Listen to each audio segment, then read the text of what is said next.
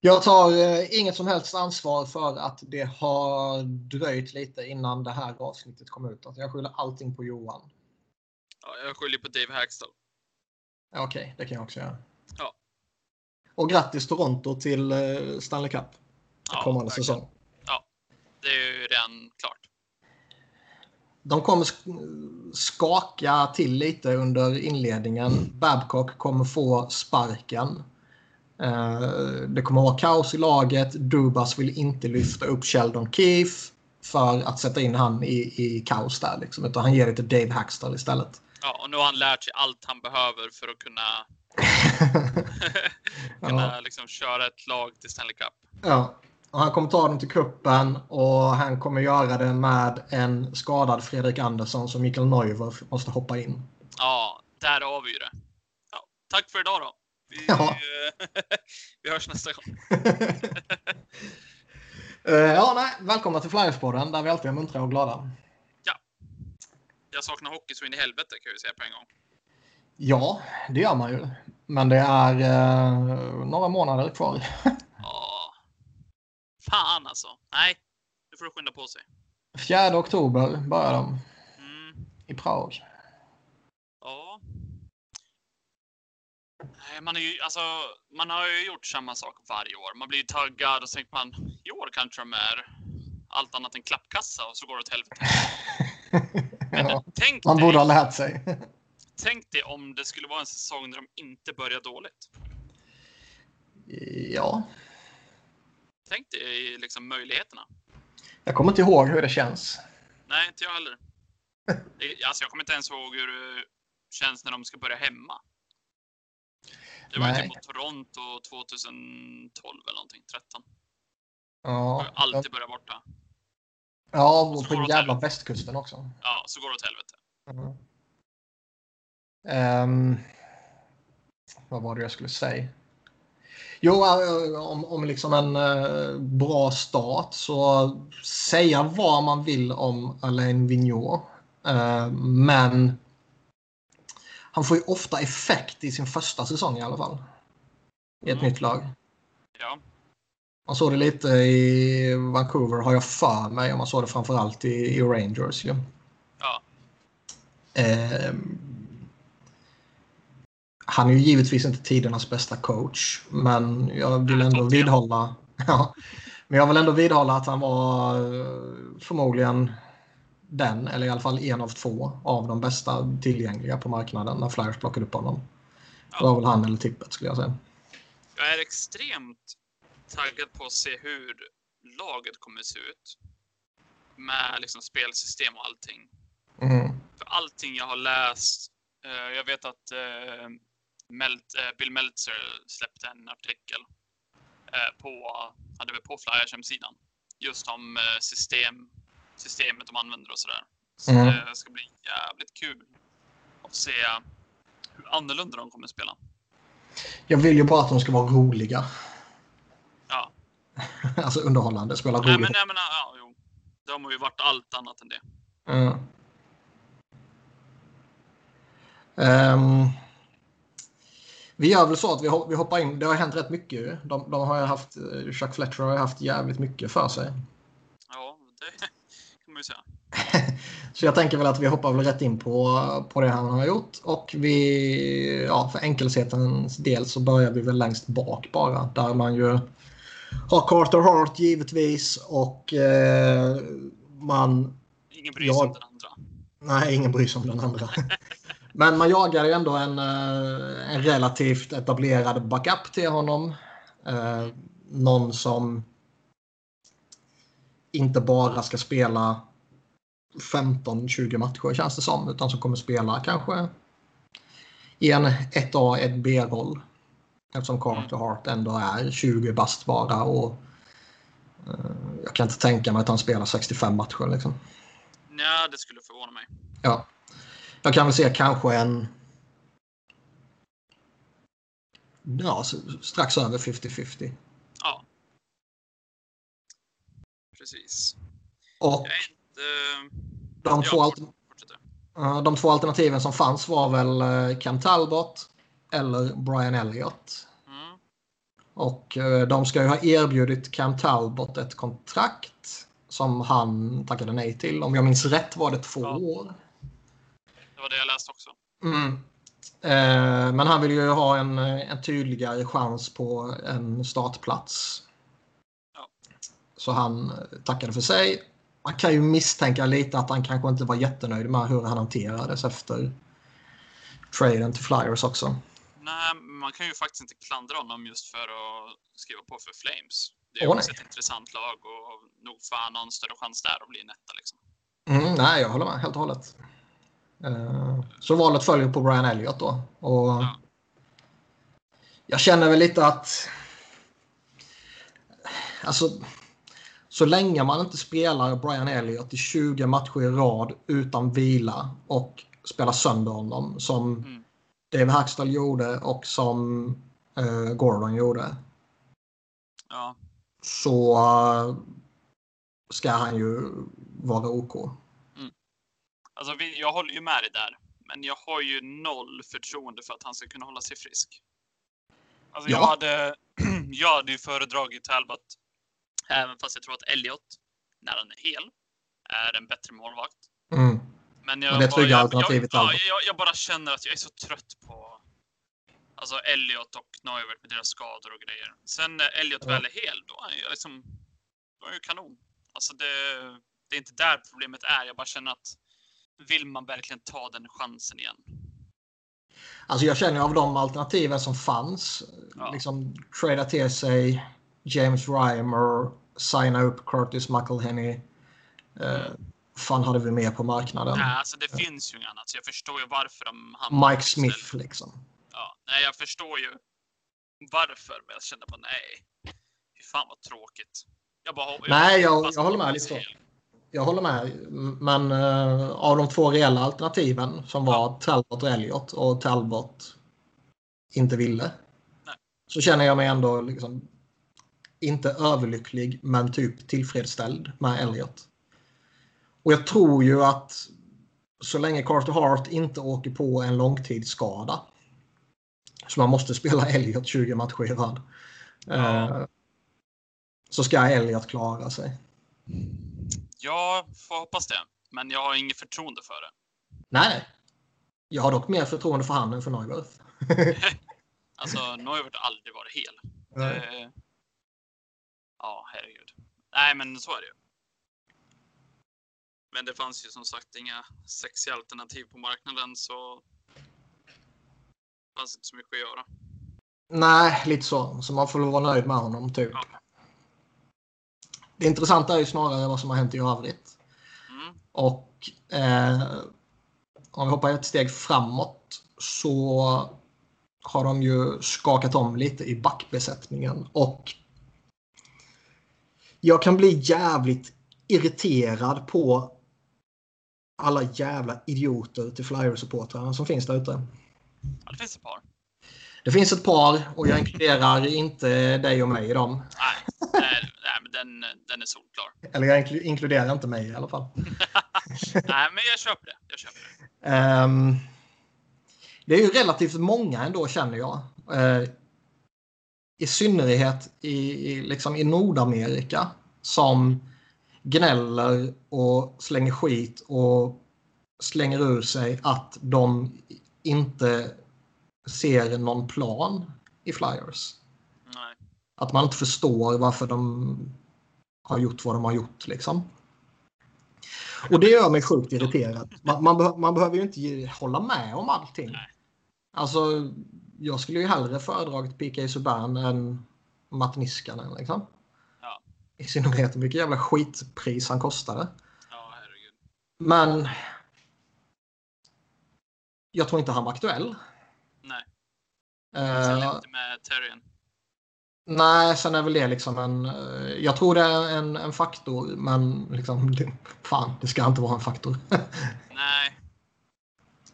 men, men just liksom att de, de vill plocka in veteraner som antingen är stabila tvåvägsspelare eller som är stabila defensivt. Liksom. Ja. Och, och para ihop dem eller sätta in dem som center eller whatever. Med yngre spelare. och släppa loss de unga. Precis. Eh, det är för mig helt obegripligt hur man inte kan se det. Nej, Sen att, man, sen, sen, sen att man kanske inte håller med om det, det som sagt, Ja. det, det är en helt annan fråga. Men, men jag, fan, jag blir riktigt förbannad på idioter som inte... Alltså de har ju själva sagt det till och med vad de vill göra. Mm. Och ändå förstår man inte. Det, Nej, jag håller med. det är irriterande. Jag tycker det är kul att, de, att Fletcher gick ut och sa att Myers i princip, han bara, han, vi vill att han ska spela i tredje par och börja med. Att Mm. han inte gick ut, att han inte är samma, att han ska slåss om ett jobb liksom. Mm. Utan de har redan, backuppsättningen är i princip redan klar. Det finns inte så många platser att spela om. Det är väl typ den som ska vara sjunde back. Ja, och det känns som att en back måste ju bort. Och det borde ju vara Hägg. Inte Det bara borde jag vara Hägg. hatar Hägg, men eh, jag har nog hellre Moran. Ja, alltså eh, även om Hägg givetvis har visat mer. Så tycker jag ändå att Moran eh, två år på 700 000 som sjunde back. Man kan slänga in honom vid behov. Vill man döda någon så, så slänger man in honom så dödar han honom. Liksom. Typ.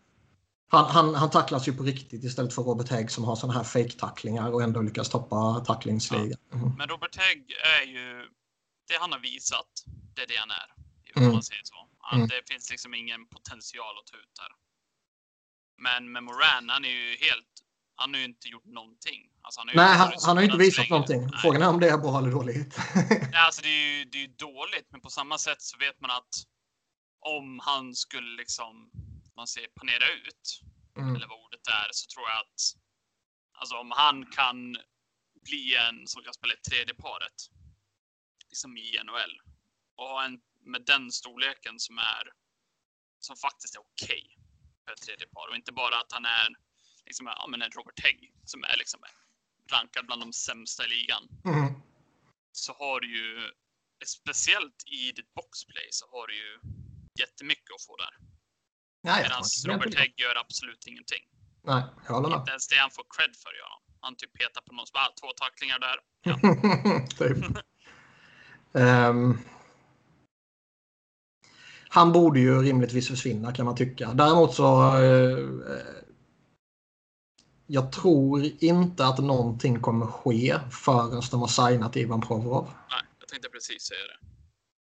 Eh, för sig att det blir en Nylander-situation där man går in i säsongen utan honom och, och drar ut allt sånt där. Då behöver man ju de här sju som är signade för Det tillfället. är ju inte helt omöjligt. Jag är nästan inställd på det, för det snackades om att Provorov ville ha, vad var det, åtta? Åtta.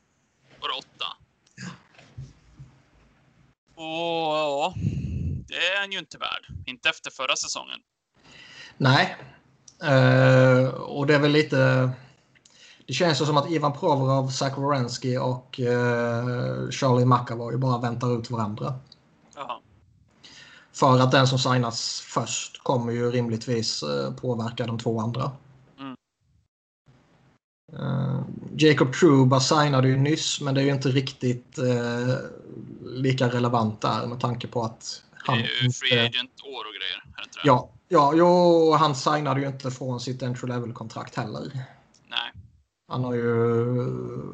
Fan hade han ett eller två kontrakt tror jag däremellan. Ja. Men han landade ju på åtta var det va? Jag tror åtta exakt. Åtta miljoner. Ja. Och han kommer från en jättebra säsong. Ja. ja han, borde ju han borde ligga på sju någonting kan jag tycka. Ja, man tycker det. Men som sagt, det... det Hade han kommit från en säsong som förra året, eh, eh, Provorov då, då mm, han hade haft en till liknande, men kanske till och med gått framåt lite, lite, lite till, då hade vi kunnat snacka 8 plus. ja, typ. Men nu när han var så pass kass, så alltså det, det enda han har är i och för sig bara istiden. Nej, men det är ju istiden och att de förlitar Ja. sig på honom eh, sen första matchen han spelade som typ första Ja. backen. Liksom. Ja. Och det är ju i och för sig ett tungt argument. Det är det. Och poängskörden, alltså. Jag vet, jag vet alltså. Utebliven tid i PP1. Mm. Är det ett argument för Provorov eller för Flyers? Jag vet, jag vet inte vad jag ska tycka. För, för han kan ju... är ju att hans agent, som jag inte kommer ihåg namnet på, är Mm. ju extremt jobbig att göra med. Ja, han är en hård förhandlare har, Ja. är det många som säger som, som följer det det. hjälper ju inte direkt situationen för Flyers. Så Nej, jag skulle inte bli förvånad om det blir en Nylander-situation. Och det Känns- skulle ju vara jättedåligt. jag, jag får lite känslan av att om, om, det blir ett chicken race in på säsongstarten så tror jag Flyers kommer vika sig. Ja, Eh, och om det sen innebär att de får signa han lite dyrare än vad de egentligen vill och kanske trada iväg någon så kommer de göra det då. ja Fletcher har inte riktigt hållit på cashen hittills kan man ju säga. Utan Nej. Mm, nej, så är det ju. Men det känns bara, alltså, he, hela de här kraven med liksom att eh, vi ska bli relevanta, vi ska gå till slutspel, vi måste fylla arenan igen och, och, sen gå in i säsongen utan Ivan Provorov. Ja. Jag ser inte det som ett alternativ. Nej. Det som, är, det som jag tycker är positivt när de har plockat upp eh, Justin Braun och Niskanen. Eh, sen kan man tycka vad man vill om priserna och allt det där. Det är att de inte sitter på några långa kontrakt. Mm. Så att de vet att det här kommer att hjälpa nu, men det är inte så att de binder upp sig ifall det inte skulle fungera. Nej. Man plockade in Brown för en second rounder och en third rounder från Ja. San Jose. Eh, om vi börjar med han så känner jag ju liksom att han blev ju... Det var ju efter de hade signat upp Erik Karlsson och de behövde skaka loss lite lön. Precis. Då tänker ju alla att ja, vad bra, då borde man kunna pressa Sharks och få ner priset och få en, en, en vettig spelare till ett billigt pris. Liksom. Ja, Men istället verkar ju GMs resonera som så att oh, han är tillgänglig, vi måste gå efter honom fort som fan. Här, ger, Ja. här, ger, här ger vi ett bra bud så kommer de acceptera det direkt. alltså det är, jag, jag kan tänka mig att det borde kosta typ ett tredje val och ett fjärde val och inte ett Mm. andra val och ett tredje val. Mm. Men man bytte ju tillbaka och fick tillbaka ett andra val. Så då känner jag lite att det, Ja. ja. whatever. Ja, lite så.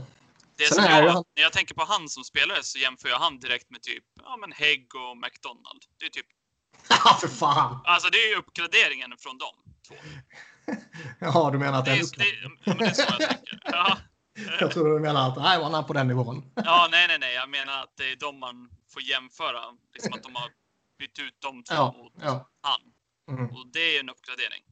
Sen så kommer inte han från en bra säsong, men hans defensiva eh, så nummer tror jag var helt okej ändå. Han är ju bra på att försvara egen blålinje. Ja, Och det har ju varit ett... Det, det kan man säga, det, det är ju både Niskanen och Brown statistiskt. Ja, så är de så. bra på att hålla egen blå. ja Och det har ju varit ett som problem för är bra, Flyers. ja, det de är bra på är det Flyers haft jättesvårt med. Ja, så det är nästan, säga vad man vill om just besluten att gå efter de här två. Men det känns ju Ja. nästan som att det faktiskt finns en plan. Ja. Trots att vissa skriker att det inte finns en plan. Precis. Och jag tror det kan hjälpa de yngre backarna att ha de här bredvid sig. Mm. Sen Brown, han, han har ju li, lite underliggande siffror som är eh, typ bedrövliga. Liksom, jättedåliga. Framförallt de relativa siffrorna. Men det är också för att han är en, han är en högerfattad back och han spelar bakom Burns och Karlsson. Dina relativa siffror kommer vara pissusla då. För du kommer aldrig spela med dem. Nej. Eh, Jag, jag, tror, jag tror den, jag tror eh, Justin Braun, jag tror det kan funka. Det, jag kan inte tänka mig att det är sämre än med Hägg eller AMAC. nej, för I helvete. värsta fall så är han, är han lika dåliga som dem. Det är, det är värsta fall. Ja, och då är det bara ett år. Och Det, det Ja. kan man chansa på typ. Niskanen hämtade de ju in från Caps i utbyte mot Radko Gudas. Och samtidigt så retainar de 30% på Gudas. Det är också ett rätt dyrt pris. Skulle man Ja, bara byta dem straight up så skulle det vara lite mer vettigt känner jag. Men det blir ju att han, han blir, får ju lov att retaina just för att båda ser att ser Niskanen som den bättre spelaren. Så är det ju. Alltså, ja. eh, det, ses ju inte som en, en bra back på det sättet, även fast han liksom, hans siffror och allt sånt är bra. Så liksom, det är mer underskattat. Att, jag kan tänka mig att liksom, hockeymän ser inte honom som det, även fast kanske hans siffror visar att men han kan klara sin topp fyra. Liksom. Så tror jag Så- att han runt omkring NHL ses som en tredje back. Alltså en tredje parsback. Jag tror att hans anseende bland the 200 hockeymen har sjunkit sedan han lugnade ner sig. Ja. Han är, han är inte lika vårdslös längre. Han är inte lika fysisk längre. Nej. Eh, och det tror jag påverkade hans anseende bland uh, Mm. Gubbklubben. Även fast han var helt okej förra säsongen. Mm. Eh, det är som, ja, jag är så glad att han är borta. Just för att han, så fort han har pucken i offensiv zon så skjuter de. Ja. Alltså jag, Det gör ju Ja. också att si- siffrorna dopas lite. Om Ja. man pratar Corsi och lite sånt här. Ja. Eh, alltså den, jag är faktiskt glad över att han är borta just bara för det. Ja. Och sen som vi sa tidigare om Niskanen, statistiskt så är han duktig på att hålla egen blålinje. Han är också duktig på att sätta första passen ut från egen zon. Ja. Vilket också är någonting som Flyers har haft för många dåliga backar på. Eh, Ghost och Provorov är skickliga på det givetvis, men utöver de två har det varit en, en brist. Ja.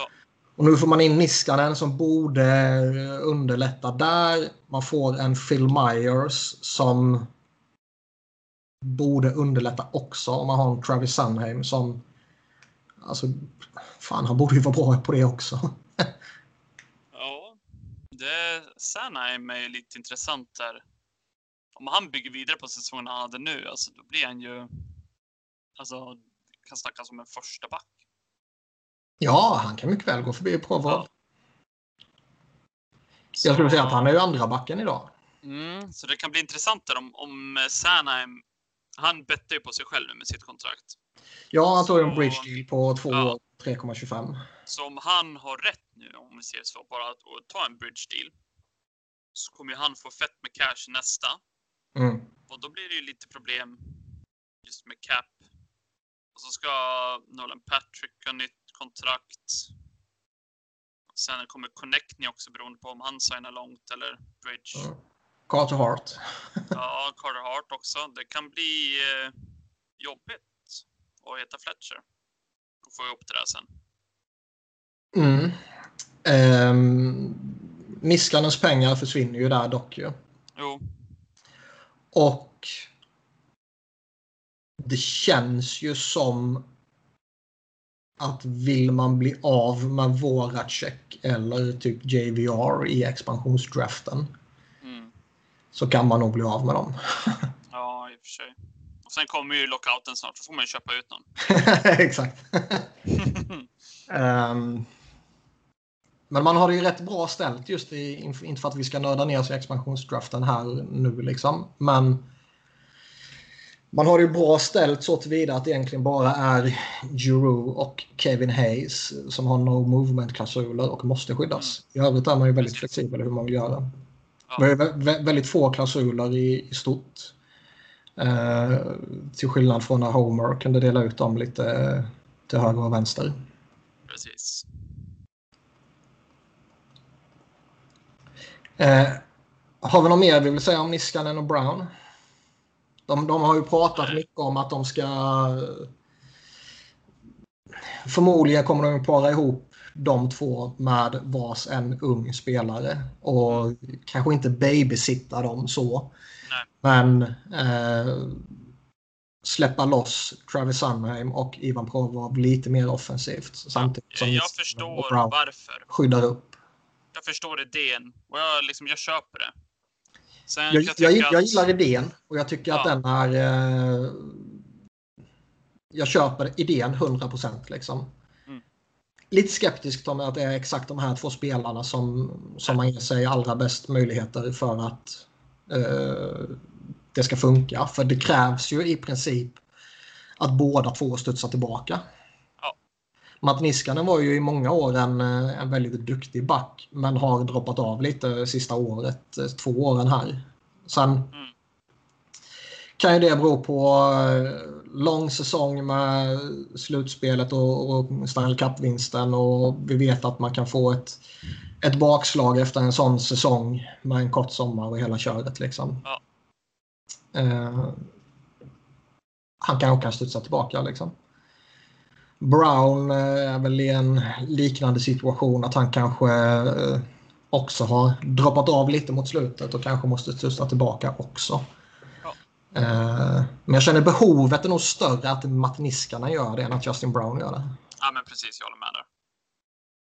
Men jag tycker att man förstår ju i alla fall varför. Och det är inte att de har tagit in de två som en stopgap som Hextall gjorde på samma sätt. Utan de här liksom kan spela. Förhoppningsvis så studsar de tillbaka lite. Men det är inte som att liksom Lehtere och Amberger och Nej, balansera lite lön. Ja. som ut, typ. precis. Så det är inte sådana om man ser stopgaps. Så på det sättet så känns det bättre. Mm. kollar jag på det här laget nu, kedja för kedja och liksom backpar som backpar, så liksom det känns inte som att det är någon som är där för att de har typ varit tvungna att liksom plocka in någon och ha någon där. Ja, men typ en Lechter eller en Amberg eller vad fan det nu kan vara, en Van de Velde eller så. Mm. Utan det känns faktiskt som att det är ett lag med liksom, det- NHL-spelare. Hur skulle du formera backparen? Jag skulle nog börja med Och Braun i andra paret. Ja, alltså Provorov och Niskanen. Sen skulle jag nog börja med Justin Braun med Sanheim. Och sen... eh, Och så Phil Myers och Ghost i tredje då. Mm. Och sen kanske flytta upp eh, Myers om man... Ja, man liksom tar steget och visar att han är redo. Om man säger för mer Det känns ju som att det kanske är under säsongen. Så jag kan tänka mig att i december kanske så, ja men fan, då är det bara att byta plats på dem. Det är Mm. inga problem alls. På han och Braun då. Jag funderar lite på om de kommer köra Provorov och Brown. Tror du det? Och göra det till någon form av shutdown-par. Ja, kanske. Och Niskanen, Sandheim som de mer, lite mer spelande lag så att säga. Eller Ja. spelande par. Det som jag tycker är så bra nu jämfört med andra år är att nu liksom har du liksom du har tre righter och tre left då. Så Mm. verkligen, sen kan man ju ha lite olika kombinationer. Men att jag tycker att alltså, spelartyperna går ihop rätt bra. Så att du har liksom, du kan ha en mer offensiv och sen mer defensiv i alla, i alla par. Mm. Ehm, Ja, det känns liksom... Jag, jag, jag är tämligen övertygad om att det blir Niskanen, Brown, Sandheim och Provorov i topp fyra. Sen Ja. hur man par, parar ihop dem. Nej, det, precis, eh, det kan jag det- tänka mig att man testar sig fram lite också kanske. Och man bara väntar på att Myers ska ta det där klivet och då kommer han och Braun byta plats. Ja. Ehm, Och ha Ghost och Braun i ett tredje par är ju inte fy skam. Speciellt Ghost då. nej, och det känns ju faktiskt som att Ghost tror jag nog ändå om man tänker alltså med tanke på att de har Niskanen, Brown och, och Myers så är det ju de tre som kommer spela till höger. Så jag tror inte vi kommer se Ghost och Provorov återförenas till exempel. Nej, precis. Så om man bortser från den möjligheten så känns det nog ändå som att Ghost... Fan vet om inte han ändå passar bäst med Brown. Mm. Om, om nu Brown är vad, vad man tror han är, den här stabila gubben som säkrar upp och, och kan släppa loss en, en ung snubbe så att han bara kan koncentrera sig på det han är bäst på. Liksom. Alltså, Eh. Bara så rent eh, när man tänker på just de två spelarna tillsammans kan man tycka att det borde funka. Ja. Det köper jag. Eh, å andra sidan kan man ju säga samma sak om Sandheim och, och Brown. Ja, fast Sanham är ju bättre defensiv. Ja, då, han är ju mer tvåvägsback än vad Ghost är. Ghost är ju en du ska bara släppa lös. Mm. Liksom bara... Nej, men det är det jag menar. Och bara, Och- bara kör liksom. Ja, exakt. Och är då Brown vad man tror och hoppas att han är så Mm. har han till att säkra upp där då eh, känns ju faktiskt rätt vettigt. Men alltså det här, just det här när man tänker första par och andra par och andra kedja och tredje kedja. Alltså det blir ju, man numrerar det men på något sätt så kommer ju först, alltså Niskanen och Provorov om de kör tillsammans, de kommer ju logga liksom 20 plus lätt. Provorovs par kommer vara första paret ju, oavsett vem han spelar med. Ja, så jag menar det, de andra kommer nog ligga på rätt lika i stil mm. skulle jag kunna tänka mm. mig. Så då kan man ju säga, ja men är Braun Ghost, är det andra paret eller det tredje? Alltså det är ju egentligen skitsamma. Mm. Det är ju liksom istiden och när de används som spelar roll. Och det känns ju skönt att ha tre par som i alla fall här och nu på pappret eh, känns pålitliga, stabila. Ja, förra året hade vi då Hägg och Gudas i ett eh, tredje par. Det kändes ju bara shit, nu är de på isen. Snälla ha pucken i anfallszon. Ja, och när vi hade liksom Provorov och Ghost så hade vi ett av ligans bästa backpar. Men bakom de två var det liksom kaos. Ja. Så det, det känns tryggt ju. Och det, mm. Fan, jag känner mig lite mer övertygad nu att vi inte kommer få en Ghost-trade. Nej. Det känns som att om, om det skulle skett nu kommer han ju garanterat bli tradad imorgon bara för det, men whatever. Det, ja. Uh, men om det... Vad sa du? Bra jinx där. Tack den. ja, varsågod.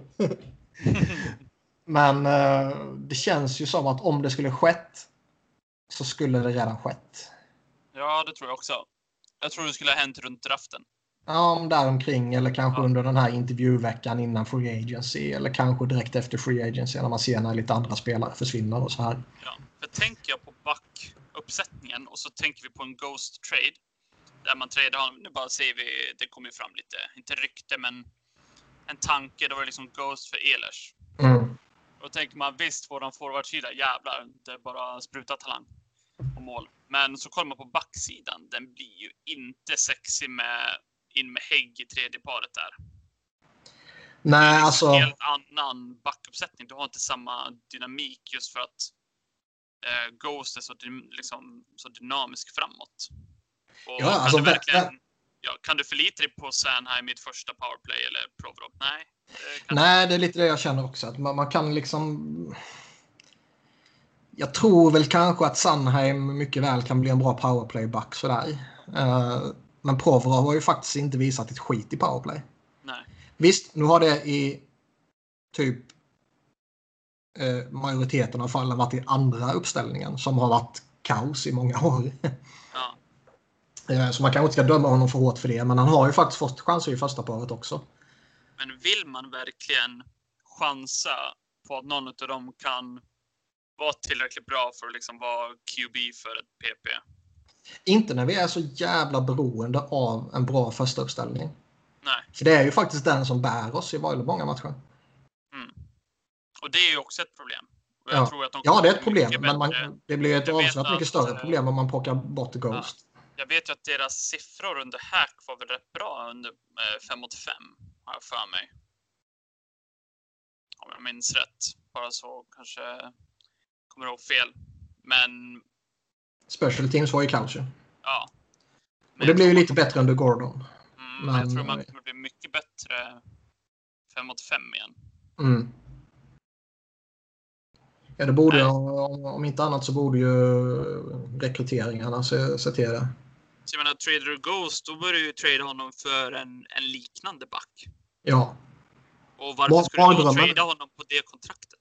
Nej, det är så jag känner också. Och mardrömmen är ju trada honom och sen sätta ihop Justin Brown och Robert Hägg i shutdown-par. Det är så skräp så att jag... Jag går nästan och lägger mig. Nästan. ja. Um... Men det känns alltså... Backbesättningen nu är bra och plockar man bort Ghost från den så helt plötsligt blir jag jävligt suspekt. Ja, även fast det bara är en spelare du tar bort så blir det, ja. blir, liksom, det blir så annorlunda. Ja, allting jag, vet inte hur, ja, jag vet inte hur jag ska förklara det riktigt. Men det bara känns inte lika starkt. Nej, så är det. Och jag är inte...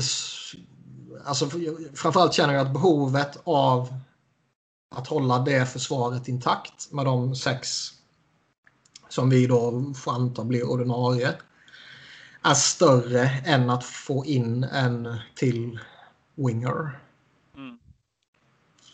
Där vi ändå är eh, ändå har det relativt gott ställt och där vi trots allt ändå har tre eh, fina prospects där en mycket väl kan ta en plats under training camp. Mm.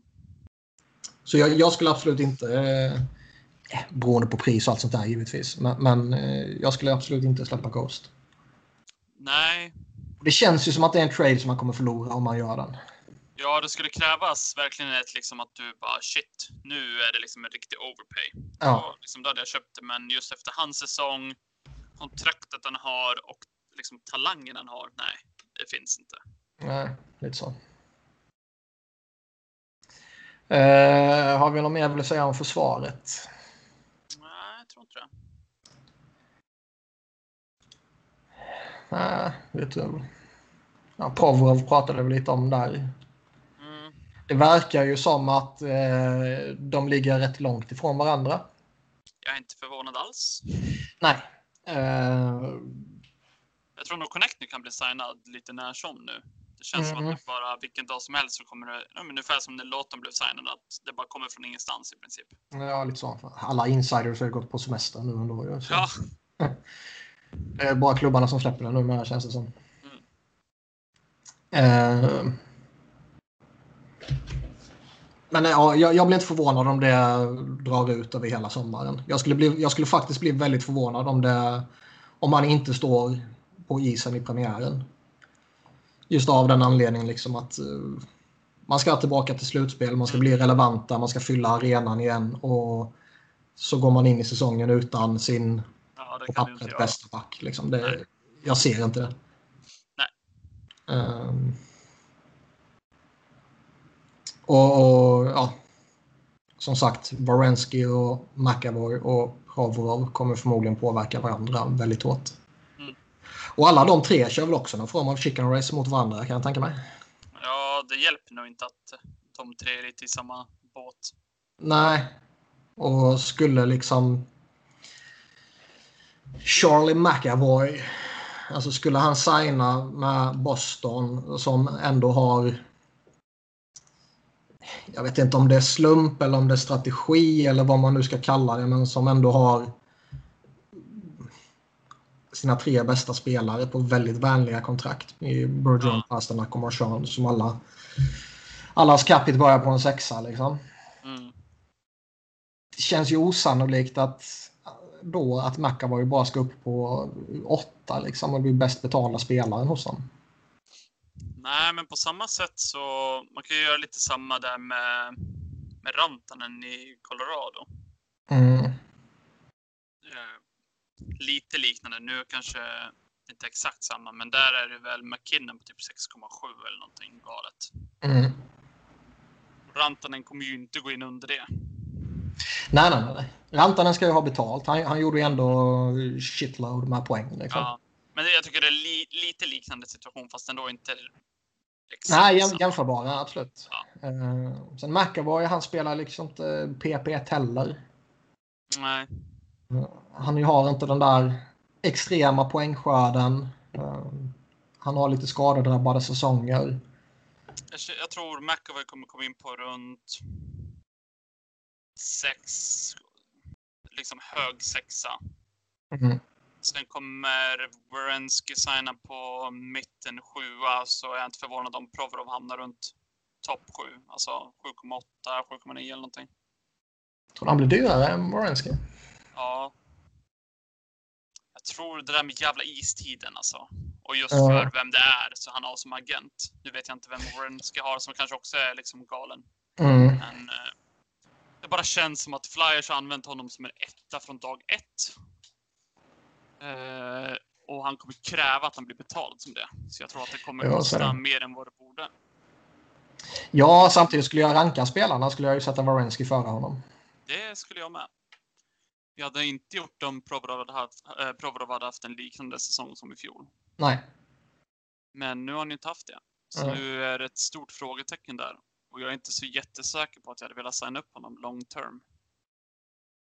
Men jag ska vara helt ärlig. Den är lite jobbig. För frågan är hur bra är Ivan Provorov? Jag är ju 100% övertygad om att han är en eh, back för ett topppar. Men frågan är hur Men bra? jag är inte längre lika övertygad om att han är den självklara ettan i ett Nej. bra lag så att säga. Och då är ju frågan där, för så som han såg ut i fjol, Mm. vad nu det är för anledning, om det har någonting med att han var spelade för kontrakt eller att eh, efter den här skadan eller Det har varit så mycket konstigt. Det har varit snack om kontraktet. Jag tror Ron Hextall nämnde något om det också. Och jag tror eh, Rick Wilson nämnde något om det också. ja, jag tror det kan ha något med det att göra. Vilket, alltså jag köper det. Ja, Herregud, hade jag spelat för nu bara säger vi, hade jag spelat för att jag vet att ja, men om jag har en bra säsong så får jag 500 miljoner, men har jag en kass säsong så får jag 200. I och Mm. sig, men man tänker att 200 miljoner är helt okej också, men just när man är i den världen. Jag tar ju hellre 500 än 200. Ja, men jag tror att också när man är i den världen så blir det där jätte... Det blir Ja. inte samma som att du och jag ska sitta och snacka om 200 och 500 miljoner. Eh, men man, det är ju klart att det där hade nog vägt på mig också rätt rejält. Nej, men det tror jag det gör. Och sen så, jag, jag, alltså, en sån skada, det, det borde rimligtvis påverka. Liksom. Mm, Sen finns det den här jävla machokulturen som gör att de inte får säga att de är skadade. nej, det Eh, hatar. Det är, ja. det är en helt annan... För det kom ju fram sen i efterhand, ja, det kom ju fram sen i efterhand att Ghost blev skadad Ja. i typ oktober och spelade hela säsongen skadad. Det är Och exakt... Ja, Och plötsligt, plötsligt förstår man att ja, det kanske inte är så konstigt att han hade en undermålig säsong. Det är samma som med Simmons, det året han gick sönder och typ spelade med tre skador samtidigt. och var liksom klappkass. Och då kan jag tänka, ja men varför liksom vila i, om du nu behöver fyra veckor, ja. istället för att spela igenom den där skiten. Sen kan jag ju förstå att man inte går ut och säger att eh, hej, jag heter Shane Gostensberry, jag, jag har en skadad högeraxel. Nej, men jag tycker att laget få- borde gå ut med men, eh, Wayne Simmons uh, lower body injury. Ja, Jag kräver inte att de ska komma ut med liksom, ah, men han har ont i den här tån. Nej, Eller, exakt. För man kommer få hugg där eller man kommer få tacklingar där och man kommer och så vidare och så vidare. Eh, men låt dem spela. Eller låt dem spela. Låt dem vila. Ja, men jag tänker liksom i Flyers bästa intresse just med Ghost eller som det var med Simmons. Alltså vila Simmons. Om man behöver vila fem veckor. Spela utan hon- honom i fem veckor. Mm. Han hjälper ju inte laget när han är på isen. Nej, Hade han kunnat spela och liksom presterat som om man säger peak Wayne Simmons innan de här skadorna. Ja, men då förstår jag. Ja, Men det är liksom ingen poäng att spela honom och sen kass. Då kan ju någon annan som är hel spela istället.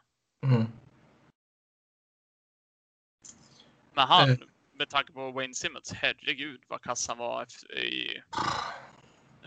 när han spelade med Nashville. ja. Och han, eh, han har varit på ett av ligans bästa kontrakt alla de här åren. Mm, jag tycker Han synd om honom. Ja. En del av mig vill ju bara att han går in och har ett monster nu så han verkligen får betalt nästa sommar. Liksom. Mm. En annan del av mig vill ju att han ska göra noll mål eftersom han spelar i Devils. Ja, och då kommer ju då, då går min hjärna direkt på hur mycket hatar jag New Jersey? Hur mycket älskar jag Wayne Ja? Och så väger man det mot varandra. Det är fan jobbigt alltså. Ja. Jag kan, alltså, jag kan köpa jag kan köpa att han inte gör några mer mål. Nu när jag, om, jag hade, om någon hade liksom riktat en pistol och sagt Mm. du måste välja en av de här två alternativen. Jag hade nog valt noll mål. Mm, Men den är jobbig. ja. Ehm, man vet ju bara att i säsongens andra match borta mot New Jersey så vet man ju vem som kommer göra hattrick. Jajamän. Och det är inte Kevin Hayes jag syftar på. Nej. Ehm, jag kommer inte ihåg var vi var, men det känns som att vi var klara med backarna i alla fall. Ja, de kan dra åt helvete. Ja. Går vidare. Eh, ja, nej, den, den stora grejen i uh, forwardsbesättningen är ju givetvis Tyler Pitlick. Ja. nej, vi, spelare. ja, vi börjar väl med Kevin Hayes känns det som. Mm. Ehm, man tradar till sig honom för en fifth rounder. Man hade, vad det verkar som, kollat av läget med honom lite innan man gjorde traden. Men Förhandlingarna började egentligen på allvar först när man hade bjudit in honom till Philadelphia, visat runt honom lite och sen typ satte sig ner med honom. Ja. Eh, Jag uppskattar, jag får liksom Holmgren-vibbar av Fletcher när han gjorde den här dealen. Det var ju Homer som gjorde den. Ja, antagligen. Homer var ju the puppet master och Ja. Fletcher var ju the puppet. Eh, nej, men man får ju lite Homer-vibbar Ja, ja. just för det. Och jag går fan igång på det.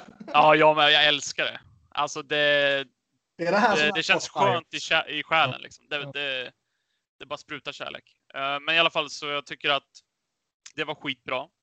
Sen så hade man ju hoppats lite på Duchene för att det liksom mer eh, lite roligare spelare att kolla på kanske. Men jag tycker att Men han skulle bli Fletcher- mycket värre. ja, Alltså, han, han tog ju någon form av home jag tror vi snackade. discount. Jag tror vi snackade om att han Han skulle han bli skulle- betald som en första center och inte användas som en första Ja, men center. precis, precis. Så jag tycker Hayes passar in perfekt. Mm. Ehm, Sen är han, jävligt kul att se. värvningen av Kevin Hayes är jag jättenöjd med. Jag tycker han är... Uh, ja, Duchene är den bästa tillgängliga centern då på Free Agency och Kevin Hayes är den näst bästa eh, i liksom all solklarhet tycker jag. Eh, han är bara 27 år så det är ju yngsta möjliga UFA i princip liksom. Men kontraktet är ju ett eller två år för långt. Och i alla fall en halv miljon för dyrt. Ja, men Jag- det jag är minns- ju jag minns inte- du får när det är en UFA. Jo, så är det ju. Eh, ja, vi ska väl säga att han signade för sju år och drygt 7,1 miljoner per säsong för de som inte vet det. Men det snackades ju väldigt mycket om att under förra säsongen så var hans pris 5 gånger 5 i Rangers. Eh, sen hade han karriärs bästa säsongen och då stiger givetvis priset såklart. Och när de tradar till hon, sig honom så jag tror det var Elliot Friedman väl, så det var ju i princip den han och, och Bob och Pierre LeBrun som är de mest etablerade. Så Ja, snackade jag om 6 år och 6,5 miljoner typ. Att det var priset. mm. Och där någonstans kände jag ju lite att ja, men där går nog min smärtgräns för att jag ska gilla det. ja men precis. Eh, Så det ska ju verkligen påpekas att jag och jag tror du också tycker att det är lite för långt och det är lite för dyrt. Så är det. Men man kan ändå gilla värvningen i sig. Det jobbiga är ju att de har ju absolut ingenting Flyers och bara, "Ah, men eh, vi kan bara ge det här. Mm. Utan alla kort var ju verkligen hos Hayes. Ja, ja. Och det är ju klart att fan hade jag varit han, jag hade också krämt ut det extra året och den extra liksom 500 000. Ja, och sen var det väl lite då att... ehm, att, eh, vad heter det, att eh, Flyers var ju tvungna att övertyga honom att komma. Ja, Det var, det var ju inte som eh, ja, Matt Duchene som vi nämnde nyss i Nashville där han ville till Preds och där han har, nej men precis. Han har börjat bygga hus i Predators och han eh, älskar, eller bygga hus i Predators, By- bygga hus i Nashville. och han älskar allt som har med Predators och Nashville att göra verkar det som. Liksom. Så Ja, han vill han är ju en musiksnubbe också. Ja. Ehm, så då, Nashville behövde ju inte övertyga honom att komma på det sättet. Precis. Allting var ju egentligen emot Philadelphia där. Mm. Och sen så läckte det ju ut lite och det var ju det var ju så jävla uppenbart att det var Hayes agent som läckte ut det. Att han, Ja, herregud han typ, e- egentligen ville han till Columbus och Arizona. Mm. Eh, och, och, och liksom... Man kan ju inte tillåta sig själv att tappa Kevin Hayes till Columbus eller Nej. Arizona. Alltså det är ju bara att betala en och en halv mille till för att det inte ska ske. ja, typ. Ehm, men värvningen är jag nöjd med. Det är Ja. en, eh, en stor center, duktig tvåvägsspelare. Han kan spela powerplay, han kan döda utvisningar, han är eh, duktig fem mot fem. Eh, bra poängskörd i, i fem mot fem om man tittar på lite point per 60. Ja. Så här, där, där är han nästan väldigt stabil eller till och med väldigt bra. Uh, Topp Han 6. har ju en extremt bra centeruppsättning nu. Beroende på Mm. Vem som tar den här sista platsen i tredje kedjan. Men eh, liksom har Couturier, Hayes, Patrick Lawton just nu. Ja. Och det är jag jättenöjd med. Det är ju jättebra. Och då har du ändå Giroud på, på en kant som om Ja. skulle bli skadad kan du slänga in honom tillfälligt. Japp. Sen var man ju... Giroud var ju väldigt tydlig med under sina exit-intervjuer så här att liksom jag är en left-winger numera. Ja, Det, det är ju... Han kan ju inte vara tydligare utan att faktiskt säga orden om att ni måste gå ut och plocka in en till center. precis. Och Så man man hade ju du den pressen på att, eh. De har ju pratat om det på deras exit-intervju. Ja. Alltså han och Fletcher. Ja. Det som... Alltså jag, jag, jag tror att Kevin Hayes kommer producera bra. Han kommer vara andra center. Han kommer ju spela förmodligen med Voracek och antingen JVR eller uh, Oskar Lindblom. Ja, Och jag... Alltså, om man tittar på vilka han har spelat med i slutet så har det varit skräpspelare. Så jag, jag, jag kan ju tänka mig att han, han kommer producera bra. Det som Ja. oroar är ju däremot att han, jag, jag kan inte se att han spelar i första uppställningen i powerplay. Och det kommer givetvis påverka hans totala produktion. ja, För det är egentligen först den här gångna säsongen nu som han producerade på allvar. Och det var ju först då som han kom upp i första uppställningen i powerplay också. grejen är att om de får igång andra PP så kommer det ju inte bli att de kör första powerplayet i liksom en och en halv minut. Nej, nej. Eh, så då... Alltså, Och de gjorde typ två mål förra säsongen eller någonting. Ja, De kan ju inte vara lika dåliga igen. som de bara får igång andra PP så liksom så kommer de ju ha mycket mer tid än vad andra PP i Philadelphia har haft senaste typ tio åren. Ja, Inte tio, men eh, åtta. mm, typ. Vad... Det, det ska jag säga också att det vi snackade om med backarna, att liksom man får in mer veteran och att det känns som att kidsen liksom slussas in mer där de ska vara och det inte blir för stort ansvar. Det blir ju Ja, men en lite mer skyddad miljö för dem typ. det blir ju exakt samma med Patrick, Mm, vilket jag gillar. mm, absolut. Och Det är en viktig faktor också. skulle Patrick ta det här klivet, om man säger Couturier-klivet kan man väl kalla det, Mm. som han gjorde efter ett par år, fyra år eller vad det var, då så har man ju en extremt bra topp 9. Alltså då blir det ju Ja. lite alltså, så gamla Pittsburgh-vibes med Stahl som tredje center när de Mm. hade han. Sen är det ju, det är ju lite av kritiken mot kontraktet också att om Nolan Patrick skulle ta det där klivet tämligen omgående, vilket Ja. det givetvis finns förhoppningar och... och, och Alltså han kan ta det nu denna säsongen som kommer eller så kan han ta det om fem år. Alltså det är... Ja. Ja. I- Ett av, eller en kritik mot Hayes kontrakt är ju dock att om han skulle bli tredje center direkt så är det en sjukt dyr tredje center. Men samtidigt så innebär det att Nolan Patrick har tagit det där klivet. Ja. Och det är ju knappast ett problem. Nej, precis. Man får ju också Eh. se att man har ju fortfarande Couturier på det här extremt. Alltså det är bästa Det är ju kriminellt i- bra ju. eh, i, vad är det, tre år till? Ja. Vilket är helt sjukt. ja. Ehm, är vi båda två överens om hur de ska formera första uppställningen i powerplay? Det tror jag va?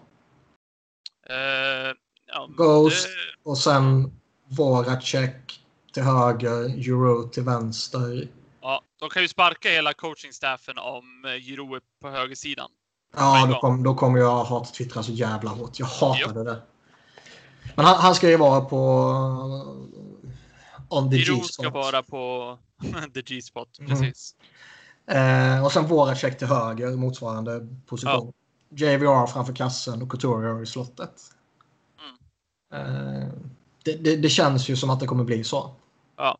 Och det är Jag nog det jag vill ha köpt- också. Mm, jag hade kunnat köpt. Eh, det är lite beroende också på vad han har för utveckling. Jag hade kunnat köpt och byta våra check med Connectny. För de snackar om det här varför de ville ha Giroud på högersidan.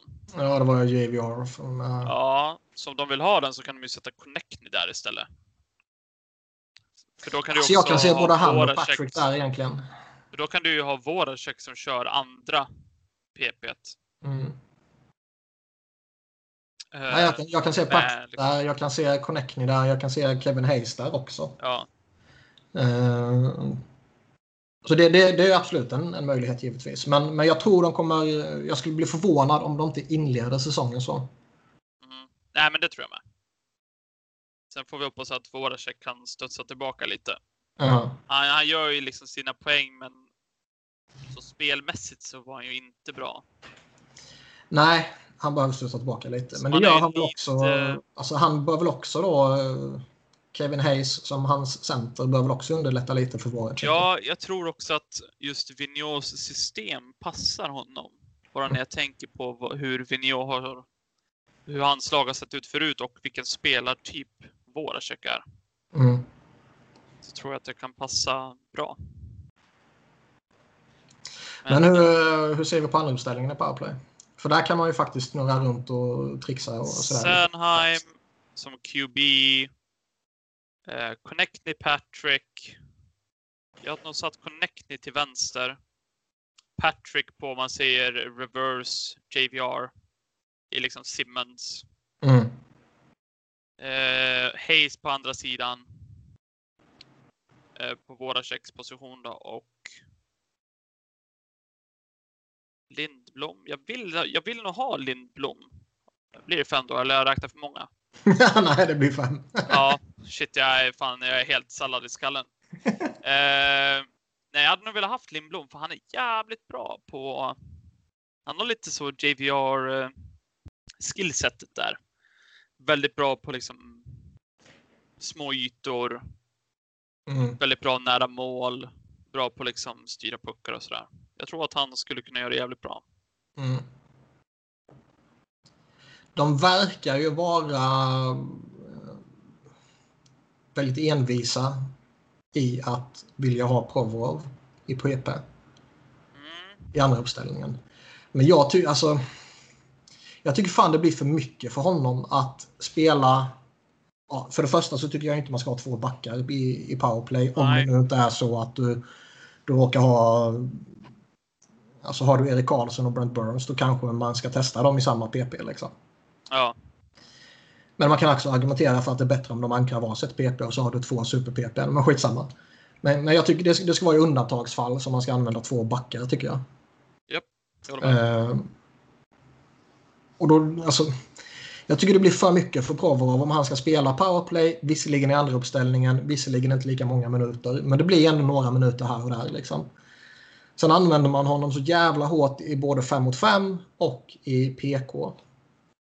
Jag hade hellre gjort som han gjorde med Giro, fast lite tvärtom då, att han spelar PK och 5 mot 5 men inte i PP. Och som med Giro att han spelar liksom, han spelar inte, nu dödade han ju utvisningar igen, men ett tag Mm. så gjorde han ju inte det. Mm.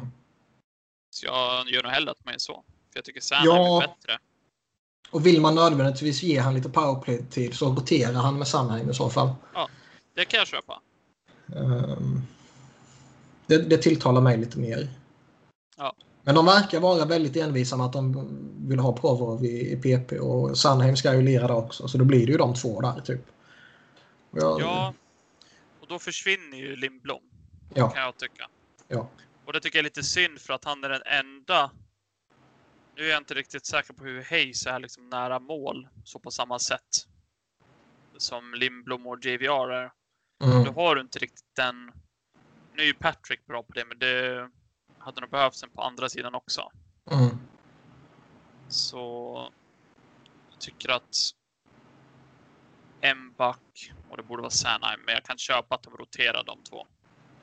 Jag kan till och med vara sugen på att testa Phil Myers i, i PP för han har en jävla skott. Ja, Han den kan hade varit jävligt skiten. intressant, för då hade Hayes varit den som liksom gör Giro-delen. Mm. Och han är ju en väldigt bra passare, så jag hade kunnat se det också, men jag kan inte tänka mig, speciellt inte nästa år, eh, att Myers, alltså det är ju om min Sanheim och Provorov är typ klappkassa i PP. Mm. Jag kan inte tänka mig annars att han tar eh, den platsen. Om inte han Nej. bara sprutar in mål eh, i 5 mot 5. Nej, typ. Eh, men det hade varit jävligt coolt. Det är Mm. någonting speciellt med writare i PPM som eh, liksom direktskott så. Oh ja. Eh, inte är alltid lite mer charmiga än leftare. Ja, och det säger jag inte bara för att jag själv är. Ghost.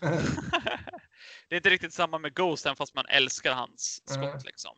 Men det blir inte riktigt samma grej som när man ser ja, men typ Carlson eller Burns eller till och med Webber. Liksom. mm. Det bara riktigt smäller till. Nej, det coolaste som fanns det var ju Al McInnes. Ser han bomba. Ja, ja. Han kunde panga du. Mm.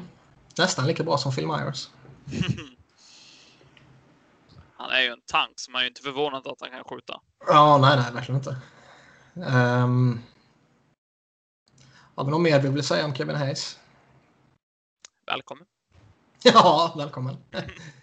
Ehm, jag tror inte jag kommer på så vast mycket mer. Nej, det som är skönt är att man slipper höra det här att eh, free agents doesn't want to come here anymore. eh, Ja, eh, fucking eh, Philadelphia shit eh, city. Allt som man läser på Twitter. ja, nej, det är väl skönt att slippa det. Sen samtidigt så de som har sagt det, de tycker ju inte att Kevin Hayes är en stjärna. Så han Nej. räknas ju inte in där. Så Nej. det är fortfarande ett problem för Matt Duchene kom inte hit. Och, Ja, och JVR Coach Q räkna- kom inte hit. inte. Nej. nej, typ. Men Coach Q ville gå i pension i Florida. Ja. Ehm. nej, jag kommer inte mer på så mycket mer om, om. Kevin Hayes. Jag, jag tycker det är lite för långt och lite för dyrt. Men Japp. värvningen i sig är jag jävligt taggad på. Ja, och den var nödvändig. Ja, han pluggar igen ett så jävla stort hål som vi har haft i många Ja. säsonger. Och man hade inte liksom, om man säger lyx, det liksom så som Duchene hade som du sa. Vi hade inte riktigt den typen av, eh, jag vet inte vad ordet heter. Attraktionskraft. Ja, men att, att det var hit han ville.